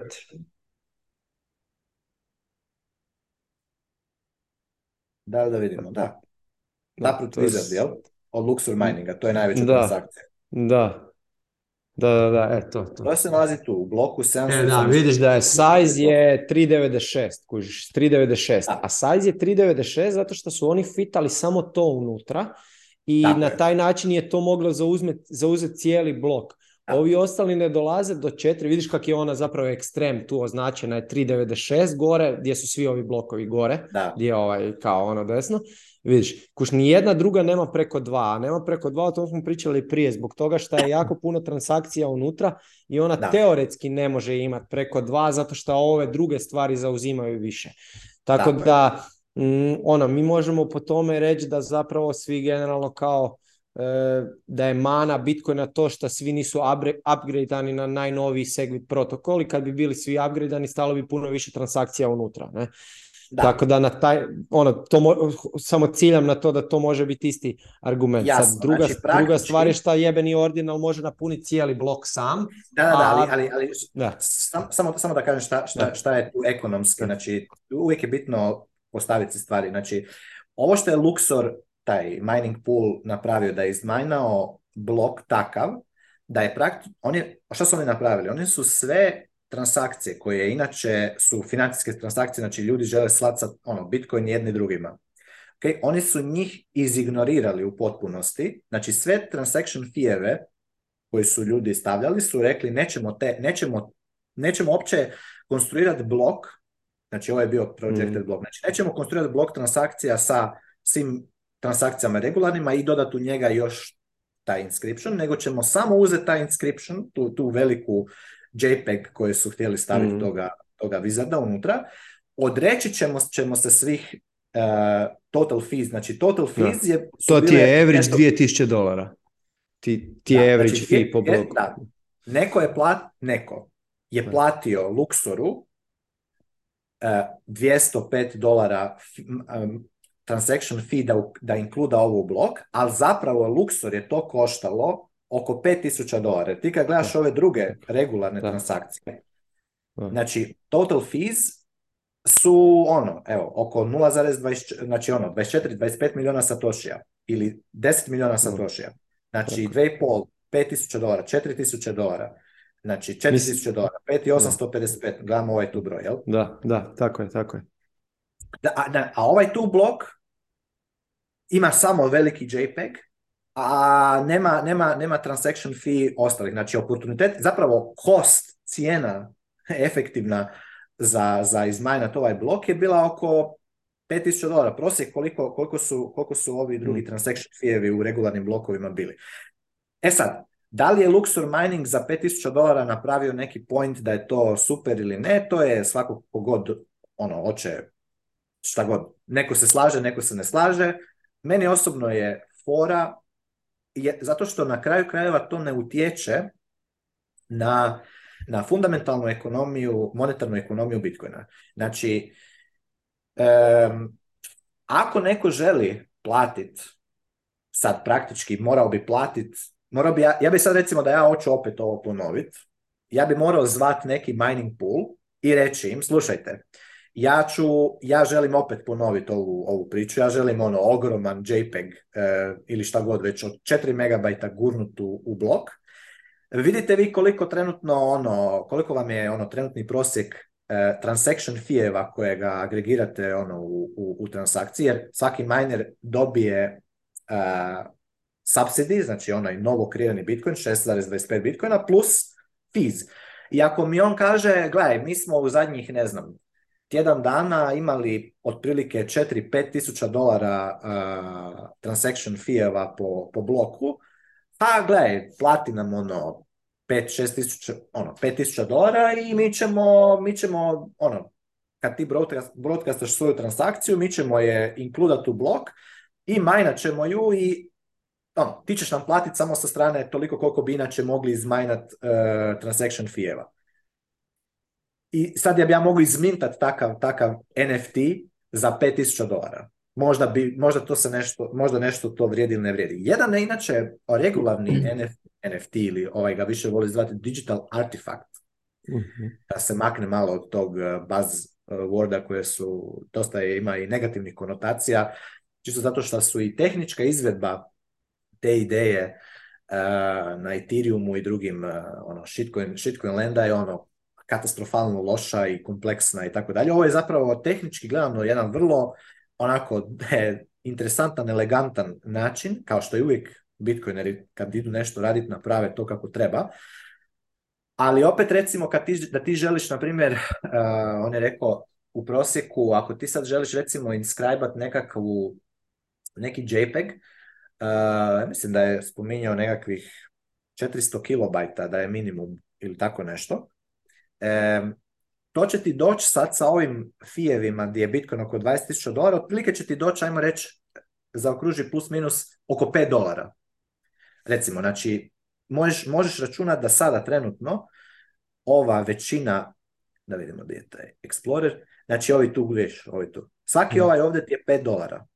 I sad, uvijek će tebe outcompitat, zato što pazi, ti, ti 400 kB e, zauzmeš, 400 tisuća bajtova e, zauzmeš ovaj e, prostora u, u, u ovome, u, bloku, a opet plaćaš, a plaćaš toši po bajtu, po v bajtu, jel? Znači, je u tome što financijske transakcije u Bitcoinu će uvijek outcompitat, mm. Fijević uvijek uh, ovo tu jer su, puno vrijedne. Znači, ja recimo mogu, ako ja želim poslat, nek, na primjer, želim poslat 5000 eura vrijednosti Bitcoina nekome i jedan Satoshi po bajtu fee mi je, ne znam, 2 centa ili 3 euro centa.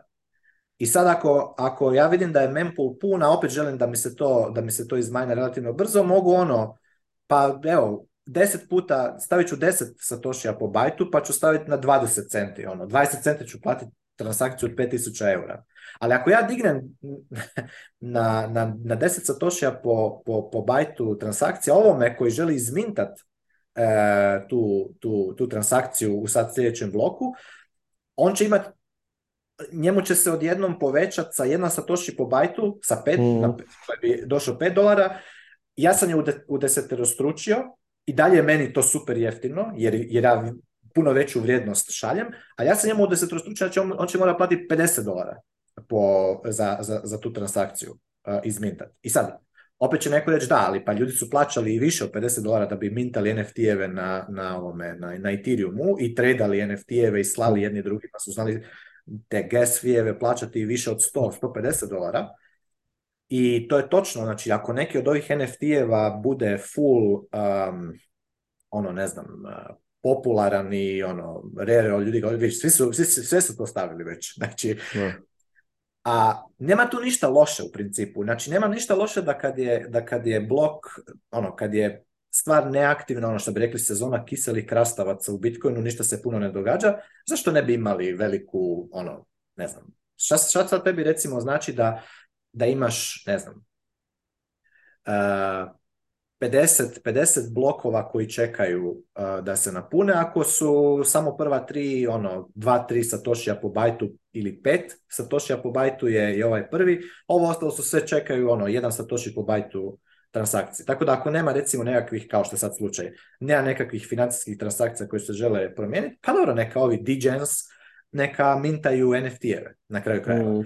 Jer još jedan argument koji je, meni se čini jako dobar uh, i dobar je za Bitcoin, nešto kaže taj Rodarmo, taj Casey, je da ti je to izvor nove likvidnosti e, za Bitcoin, nove, nova, nove potražnje. Jer kaže on, ti imaš jako puno ljudi koji recimo opće ne interesira ih sound money, hard money, ništa od toga ono. I puno ljudi u Bitcoin je još pogotovo prije ulazilo, tipa ne zato što ih, ne zato što su ono hard sound money, nego su vidjeli ne znam, mnogi ljudi su se ono prvi put upoznali sa Bitcoinom zato što su htjeli kupiti, ne znam, neku travu na, na ili LSD na Silk Roadu. Pa su onda ono postali bitcoineri i otkrili su austrijsku ekonomiju i to sve. Neko je možda e, ono, išto samo gemblace i šta god i, i na kraju je postao bitcoiner. Tako isto se dešava jedna dinamika koja nažalost usporava monetizaciju bitcoina, a to je da postoji puno ljudi, recimo pogotovo u prošlom ciklusu, koji su koje opće ne zanima ništa, nego i zanimaju ih ti NFT-evi, zanimaju ih ono, te skupljat sličice, što bi rekli. A, i, ovaj, I oni su recimo se onboardali na neku NFT e, platformu, bilo Solana, bilo Ethereum, recimo, i ostali tamo. I na neki način postali ono, uhvatilo ih je sad, sad oni ne mogu se otkačiti od tog glupog Ethereuma, E, i, onda je zato i drže nešto Ethereum, jel? I ono, hodlaju Ethereum.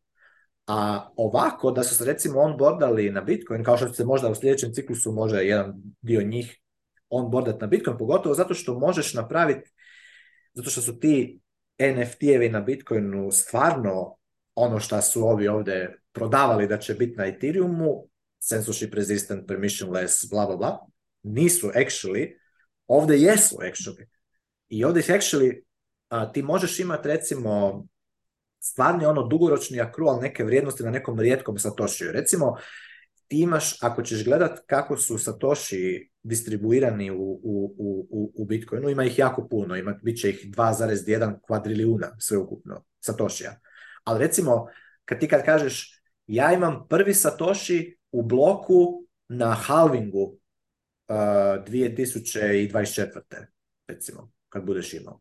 Taj Satoshi, znači prvi, prvi Satoshi u prvom, prvom bloku u, u halvingu je jako rijedak, jer njih nema puno. Onda recimo imaš rarity, imaš kao, hmm. imaš common Satoshi, common Satoshi su recimo, evo sad ovaj svaki Satoshi je common.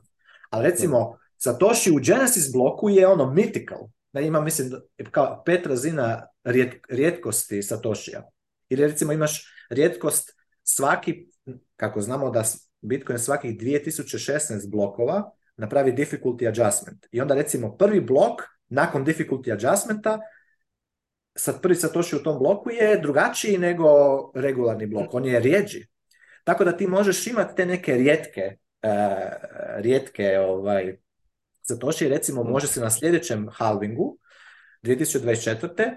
Ti možeš imati sigurno ono trenutak oko halvinga gdje će neko ono htjet inscribat uh, imat ćeš puno no. njih koji žele inscribat na onaj prvi žele uhvatiti onaj prvi blok nakon, nakon halvinga da inscribaju nekakav ne znam super ono super ono krasan NFT ali kojega by the way još mogu znači ti možeš on je rekao da možeš nestat te digital artifacts jedan ispod drugoga znači ti možeš imati mm. više onako možeš imati full fora stvar napravljenu i ono, taj je full, to je ono, prvi Bitcoin, prvi Satoshi u, u to je ono, epic. Mm. A jel misliš, Jel misliš da to utječe na fungibility Bitcoina, jel u principu bi trebao svaki satoshi biti jednak, ne? Ne, ne zato, što, ti, zato što ti e, ko prvo ti, ti, opet ponavljam, ti ne vidiš to na regularnom, treba, ti, treba ti taj ordinals Explorer da ti to uopće vidiš.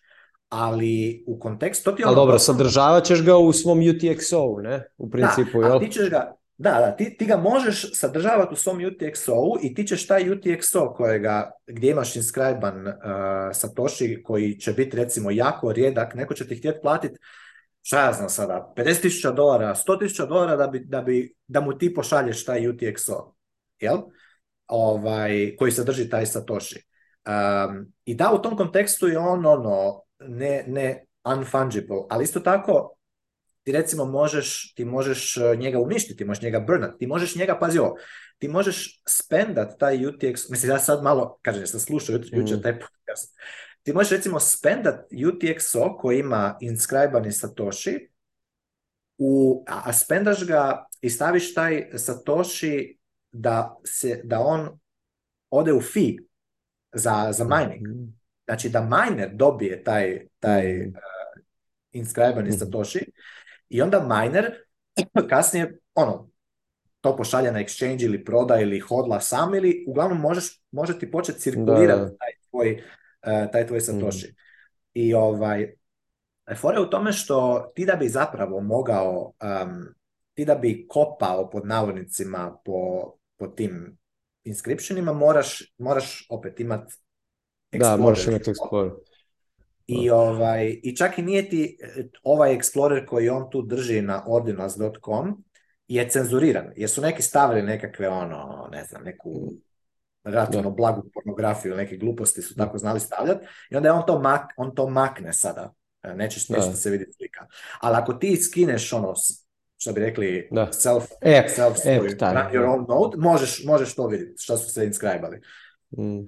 Poanta je da, mislim, fora je stvar, ne radi razliku do, do pridonosi, pridonosi većem, viš, više fijeva eventualno ako je ono mempool prazan pa ono mineri imaju nešto za pokupiti ekstra, drži, drži blokove malo više punima, to je potencijalno, potencijalno je to da možeš, ono, dobra stvar da, da, da vuče likvidnost iz ovih ono, start degening na nekakvim NFT-evima na Bitcoinu i onda stay for the sound money, svi smo mi ono hmm, kao počeli mm, za gamble, a ostali smo za, za sound money.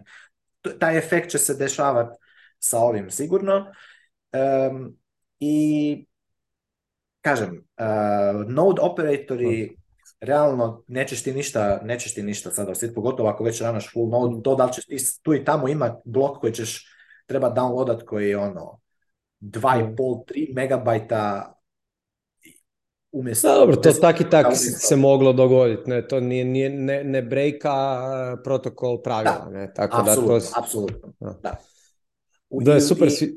da, reci slobodno. Da, ne, ja sam, htio sam reći da si super ovo pokrio, da je meni ono, s obzirom da sam se onako, nisam imao baš previše vremena ovaj tjedan, a da je, mi se činilo kao full zanimljiva tema, pročitao sam ja opet dosta toga, ali mislim da si super ovo, pokrio, ali imam onda još jedno pitanje za tebe, za koje ja sam ne znam odgovor, pa me baš zato zanima. E, misliš li da ovo e, potencijalno ima neke ono negativne posljedice e, i, ono koje su to. Ne? Da, da, da li misliš da, se, da, da ovo na neki način može biti ono negativno za Bitcoin? Ne? E, iskreno ne. E, je li ima ovo ovdje posljedice negativne na Bitcoin? Ovo je Lightning Network e, ono, plati mm-hmm. Satoshi da, da staviš, ne znam, tu točku na ovo tu. Pa, Sad neki tu pa, gluposti. Da, ma gle, ali to je opet, ne znam, definitivno, ali ovo je Lightning Network. ovo je Lightning Network, Lightning Network je layer 2, ovo ipak radimo na base layeru. Meni, ja, sam, stvarno mislio da će ti NFT-evi na Bitcoinu zaživjeti, možda nisam o tom pričao, ali sam nekako uvijek mislio da će to zaživjeti, ali sam ja to nekako uvijek očekivao da će to biti u layerima. Vjerojatno je još bolje da to nije u layerima, ali onako true. Ali... ekonomske, ono što je najbitnije, ekonomski ne mijenja nikakvu dinamiku monetarne ekonomije ne mijenja, znači ne može uvećati ne može uvećati block size. Znači ovo nije kad su ovi big casheri e, pokušavali uvećati e, block size, to bi, to bi dovelo do veće centralizacije, ne? zato što što je veći, recimo da ti sad staviš, ajmo staviti 100 e, megabajta blok veličine, E, onda je jako, onda requirement, odnosno kompjuter koji ti treba za standard full mode i blockchain od, ne znam, 15 terabajta, da, terabajta je puno, znači puno manje ljudi može raditi full mode. Znači to, ovo ne utječe na to. I dalje ljudi mogu raditi full mode praktički na laptopu starom 10 godina i na manje više na, na bilo čemu. Naravno, neki stari laptop će sporije e, ranat full mode, treba će mu duže vremena da se sinkronizira, je isto tako treba proći sve ove, e, verificirati svaki signature, znači to isto zahtjeva malo computing powera, ali ništa što recimo prosječan, prosječni korisnik, pogotovo Bitcoin hodler, neko ko, neko ko drži bilo kakvu veću svotu svoje, svoje štednje e, u Bitcoinu, definitivno može, može affordat ranat full node.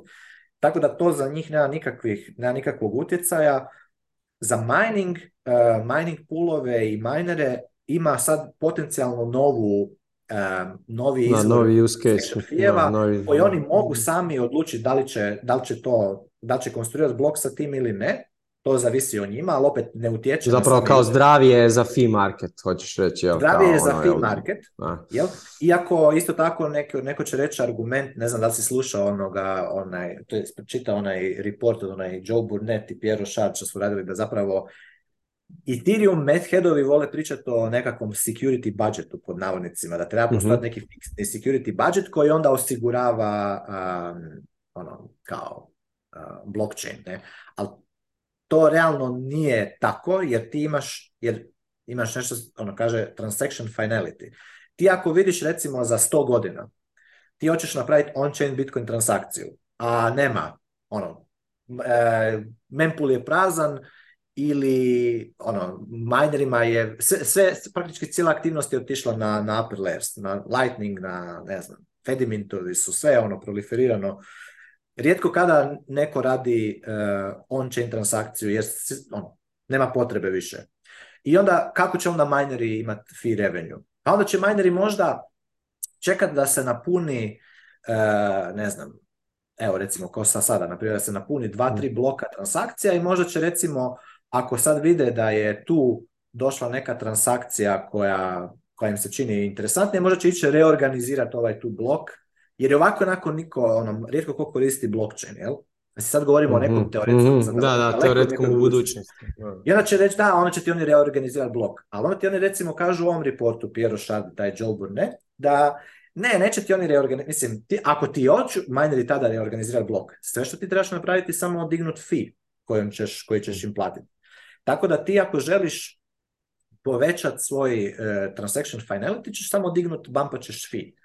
A mm. s obzirom na to da, e, da ti sada već, znači to isto treba uzeti u obzir, ti sada već e, ti sada već plaćaš, znači ono isto što ljudima nije, nije često jasno, ti danas plaćaš Bitcoin ne, sa ne samo nego, neko će reći, da, sada ti je cheap to transact in Bitcoin, ali nije ti cheap. Jer mm. recimo, iako ti je cheap, ti recimo, evo, median fee za, u, dva bloka je bio 46 centi. Znači ova, ovaj tu. Da, da, ali u cijelom bloku je bio 3700, da. Bio je 3700, ali ono što čime mi hodleri danas plaćamo E, zapravo Bitcoin security je inflacijom, znači ovim ovdje mm -hmm. iznosom. Znači svakom, u svakom bloku kreira se novih 6,25 Bitcoina. Kužiš? Znači u jednom danu 900 mhm. novih Bitcoina puta, koliko je sad, 23.000 dolara Bitcoin. No. Ajmo izračunati, svaki dan mi moramo apsorbirati uh, ovaj, 20, malo više od 20 milijuna, 21 milijuna dolara. dolara.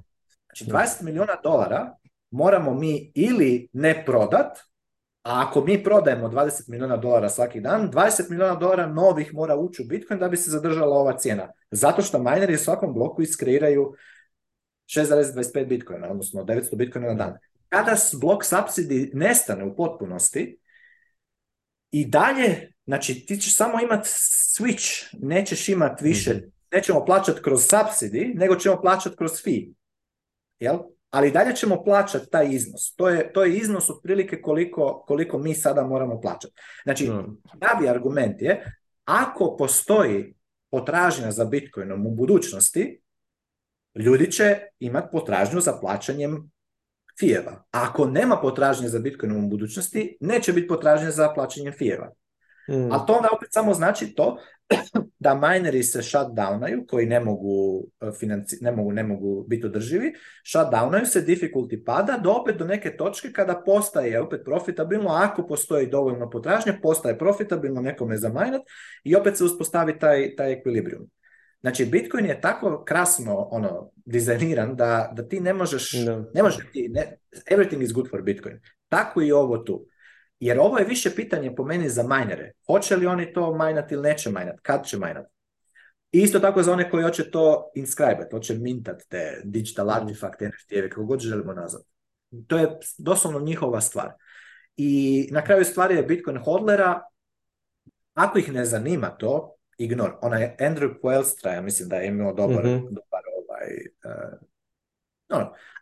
Ako te ovo ne zanima, da, nikom ništa. Samo ignor da. i ništa ti to neće, ništa ti to neće tvoju, tvoj život e, promijeniti.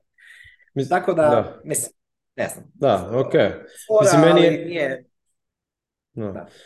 Meni je tu ključna stvar zapravo ona koji koji, si rekao da zapravo di mi je kliknulo to da, da, da su transakcije, ove kao financijske transakcije, e, su uvijek ispred, zato što jednostavno oni po prirodi plaćaju manji taj V-block, ne, s obzirom da ti plaćaš Tako transaction fee po, po, po, bajtu, V-bajtu, ne V-block, po bajtu, e, da su uvijek zapravo u prednosti, što znači da ako ti želiš fladat e, Bitcoin sa NFT-evima, ti ćeš debelo, debelo to morat uh, overpayat, i to je nekako, jer, jer, jer ono, mislim, kojiš ljudi, to, to je ono kao ja uvijek svima kažem, neće NFT-evi na Bitcoinu biti isto kao NFT-evi na shitcoinima. Shitcoin imaju taj ono iskrivljeni skroz incentive. to je sve zbog, zbog, zbog tih ono, kuš, ti kad, ti kad to postaviš onako kak treba izgledat, kuš, ko na Bitcoinu, samo NFT-evi ono neće zaživjeti, mislim, ono, mislim, ili će zaživjeti ono neki pravi, nećeš imati ova govna koje oni imaju, ono, kak to sve izgleda, mislim, ono uopće ne znam ni šta bi trebalo biti, ne, šta je nešto što će ljude privući, za šta će htjeti overpayat, ali u principu morat ćeš dobrano overpayat. I dobro si ti rekao, i na Ethereumu i ostalima se overpayalo, ali overpayo si da bi ti platio, ne znam, 250 dolara transaction fee, zato što taj jebeni NFT vrijedi ono, ne znam, pol miliona dolara, što je ono suludo, ne, pa te boli, bolilo briga koliko ti platiš transaction fee.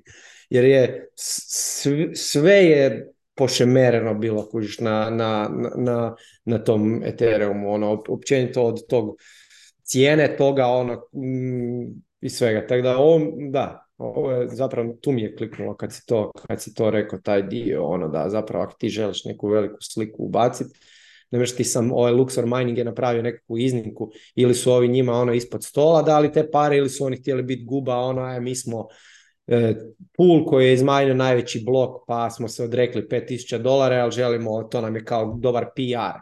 Ali sad na, na, nastaviti to radit e, mm, je ipak ono burning money, nešto sumnjam da, da će iko se odlučiti. Ja se sjećam kad sam slušao, jer ti imaš i tih pametnih e, isto ljudi, e, investitora koji su, koji su uletili u, u shitcoin land i recimo ovaj Kevin O'Leary. Dobro, se da on nije bio, bio jako pametan jer je bio onaj, ovaj FTX spokesperson, ali on je ono u Shark Tanku, on je realno, to je čovjek, da. mislim, nije, nije, nije glup, kako god okreneš to što je imao fail, imao je puno failova i prije toga imat će ih još. Ali on je ono, kao investitor je, je, je vrlo uh, sofisticiran investitor. Uglavnom, taj Kevin O'Leary i recimo ono što je on stalno govorio sa tim NFT-evima, use case koje se njemu zakačio, koji su mu prodali ovi skemeri Joe Lubin i ova ekipa iz Ethereuma, je da, je da će kao, jer on je watch collector, znači on kupuje ove skupe mhm. satove i oni imaju taj secondary market gdje ti imaš satove koji su, koji ono, rastu u, u cijeni zato što su mm. unikatni, zato što su ono, vrhunski, ono... Da, ima ih ono sto na svijetu ili tak nešto. ona na svijetu i ono, nekakva, ono, numeriti serijal i tako dalje. On uglavnom zna taj, taj market jer, se, ono, to mu je ono, jedan od, od hobija kako sinka te, te, te pare svoje. Uglavnom, e, njemu je bilo, recimo njemu je ono point koji su mu ono uvalili ti NFT na Ethereumu je bilo da će on moći Eh, kao da će imat NFT eh, za taj sat unikatni koji ima, ne znam, neki Rolex ili onaj Patek Philippe ili šta ja znam, koji je to skupi sat. I onda kao da će moć kada taj, kada taj sat eh, proda nekome, isto tako taj neki, taj, taj NFT će ići njemu. tako da ćeš ti moći trekat, trekat gdje, ko ima taj... Ko je sve posjedovao. je sve posjedovao taj sat. Međutim, Naravno, to na Ethereumu je, mislim, realno imaš taj Oracle problem i tako dalje, ali vidiš recimo, da ti pokažem, on možeš isto vidio, naš NVK, CoinKite, vidiš, recimo napravi ovaj SATS čip. Znači, mhm. to je fizički mali e, kao čip koji ti embedaš u, recimo u sliku ili u bilo šta fizička je stvar, na njega staviš ovaj Satoshi i e sad to ti ono mhm. kao fizički identifikator fizičke stvari. Ali mhm. sad ti da još staviš inskrajbani Satoshi na taj sat čip. Da, ovo je guba, ovo nisam vidio. Da, mhm. mislim to je još uvijek ono koliko sam shvatio in development, ali, ali mislim da neko, neko je to već, eh, neko je to već, ne znam ko je od tih Bitcoin artista je stavio te, tu stvar na, ovaj, na, na svoju sliku ili šta već. Da, da, da. I sad, E, fora je u tome što sve ispada da praktički neke stvari koje je ovaj taj, taj shitcoin land ono, proizvede koji stvarno ljudima budu onako interesantan use case, Bitcoin kako uvijek, on je jako spor e, da bilo šta šta je ono, implementira i ako će nešto bilo šta implementirati, implementirat će na jedan ono, super solidan ono, long term, low time preference način. Tako da ne, ja se ne bi začudio da ono sve što je bio nekakav kao zapravo skemi, sales, ono, vaporware, Uh, fantazije o budućnosti nekakvoj, ne znam šta će se raditi na, na Ethereumu, da zapravo actually, ne, ne sada sigurno odmah, ali recimo kroz, kroz neko vrijeme, par godina, šta ja znam, developmenta, actually budeš imao nekakve niše niš use case-ove koje se mogu actually napraviti na Bitcoinu, ali na pravi, ispravni, ono, secure, mm. resistant način uh, i, i tako dalje. Tako da, ono, ne, kažem, vidim, ako ima išta loše u, u svemu tome, loše je na, ako će neko to zloupotrebljavati, ali čak i mislim da je to Znači, neko ko bi išao sad recimo stavljati nekakav stvarno ono jako loš materijal, inscribati ga na, na, na Bitcoin, ako ti imaš dovoljno motivacije u, u, od nekoga ono da, da, da, da pronađe ko je to bio, ko je to inscribo, ti to je, realno ipak možeš. Znači ti hm. Bitcoin privacy je ono, to je race, znači ti ako hoćeš, zavisi ko, od koga se želiš privatizirati, privatizirati. Mm. na kraju krajeva s dovoljno, dovoljno vremena ti možeš reći ovaj Luke Dash je izgubio e, da. neku mm. ali svaki dan trekaju taj, znači treka, mm. treka se kako su te trans, gdje je taj, gdje su ti utx ovi i, i, i Niko ne kaže da u jednom trenutku se ne može to nužno naći. Kad su od, od, Bit, Bitfinex ili kome su ono? Upravo. Ono su našli ono dvoje, e, one dakle, smiješne. Dugo, dugo, dugo vremena. Znači, nije baš... E, znači, ono, što je veći, što je, ajmo reći, veći kriminal, to je veća motivacija mm. da te se pronađe, tako da ti realno, ono, to mm. voli reći, ono, ako hoćeš, ili Giacomo Zuko, kao ono, ako hoćeš stvarno kriminal, onda ti je Fiat puno bolje. Ono. Uvijek s Fiatom ćeš puno lakše e, tamo ono, oprat nekakav no.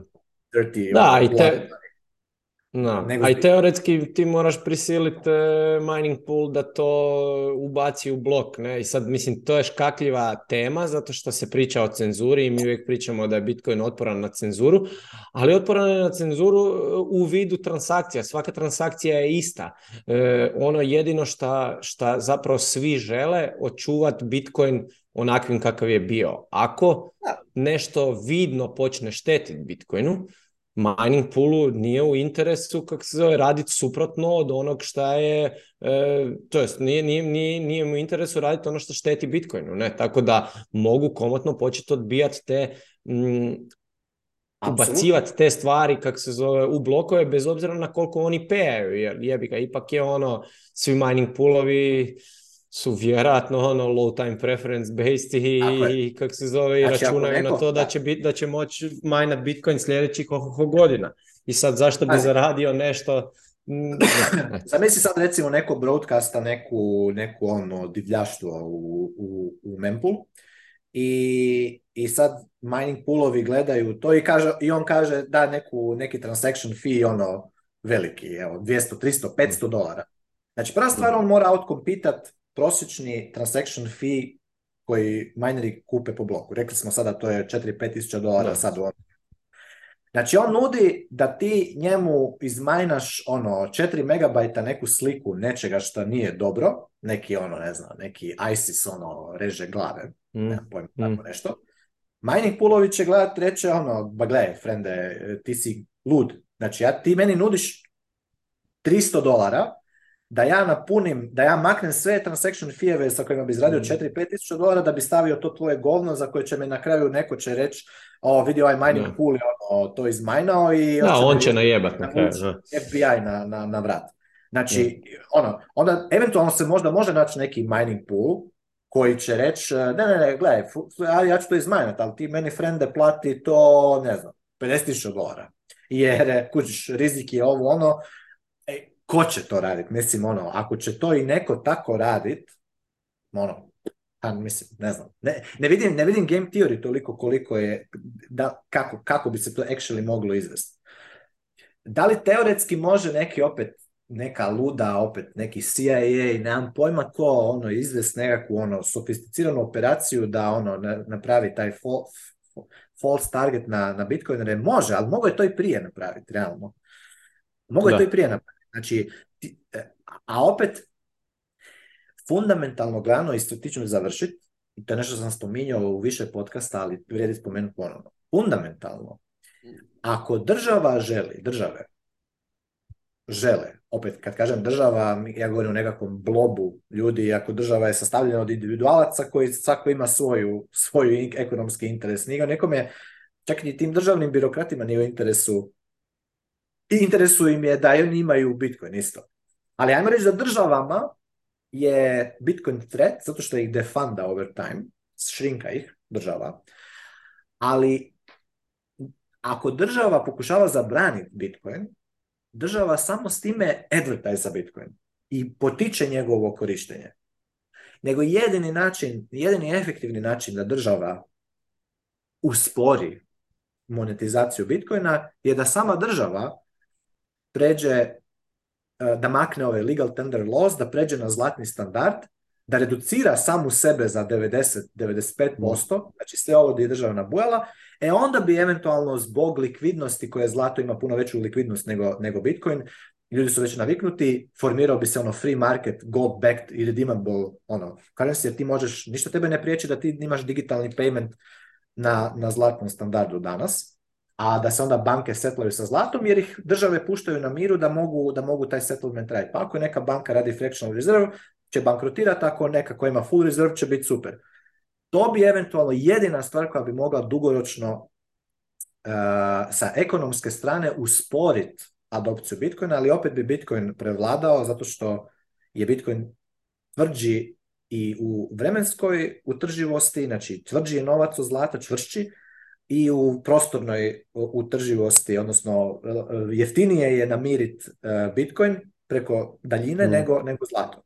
Ali to je ono best shot za, za, za, za države da actually nešto uspore. Sve ovo ovdje što bi eventualno čak i išle raditi, pa to su, pa ljudi su bili ono 2013., 2012., 2011. Ljudi su bili prestrašeni da će ih ono strpati u zatvor samo zato što imaju Bitcoin. Dano je Bitcoin. To je bilo doslovno. Mm. mm. si znao tada, jel? Ali realno danas svi su ti ono, ko, ko će sad ti možeš zamisliti eh, da Europska unija kaže, gledajte, ovaj, idemo na zlatni standard i ono, reduciramo financiranje ovih eh, PIGS država, Portugal, Italija, Grčka, Španjolska, koji imaju one ogromne deficite, net mm. to GDP ono, preko 150% i nam pojma ogromne te javne sektore, masu birokrata, uhljeba, čega god. E, to ćemo sve ono otpustiti, mm i ono, to će sve ići na, na tržište rada, na slobodno tržište, tražiti svoj posao, a mi ćemo ono, vezati euro na zlato i moći ćete, ono, jedan euro će biti mm. jedan gram zlata. Redeemable on demand. Moš misli, ako to neko vidi, ko će to, ko, čija će to biti politička platforma? Ja to ne vidim mm. nigdje. Mm. Tako da, a to bi bio naj, najjedini efektivni način. A sve ovo ovdje, mm. subverzije, benat ćemo Bitcoin, nije dobro, porezovat ćemo ovo, ono... Da, to će stvoriti kontraefekt da samo, to, samo, to samo ljudima stavlja Bitcoin, Bitcoin, Bitcoin ono u, u, u mindframe i, i eventually ko, ko se orange pila i ko krene i ko skuži šta je Bitcoin, kako će to njemu oduzeti? Kako? Nemaš. Nemaš na...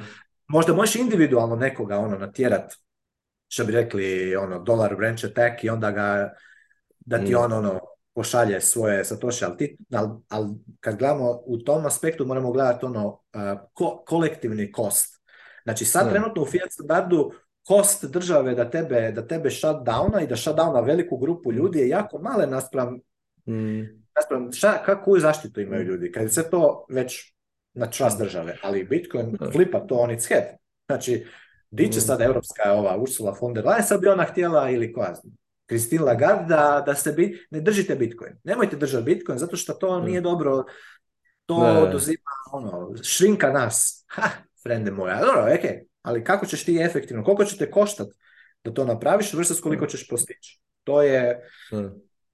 Game theory ne, Kad je ideja jednom usađena u glavu ne možeš izbiti. Možeš može neko slučajno ostati bez Bitcoina ili imati loš loše to riješeno pa da mu na taj način neki prisile ga oduzmu Bitcoin, ali, ali, ako mu je nekad Bitcoin sjeo, to, taj dio mu nećeš ako ti države, se bore protiv droga, države zabranjuju drogu, kokain, da. heroin, e, marihuanu, LSD, e, metafetamine. sve je to zabranjeno, sve je to ono, ne smije se, ne smije se, pa se, pa šta, šta toga nema?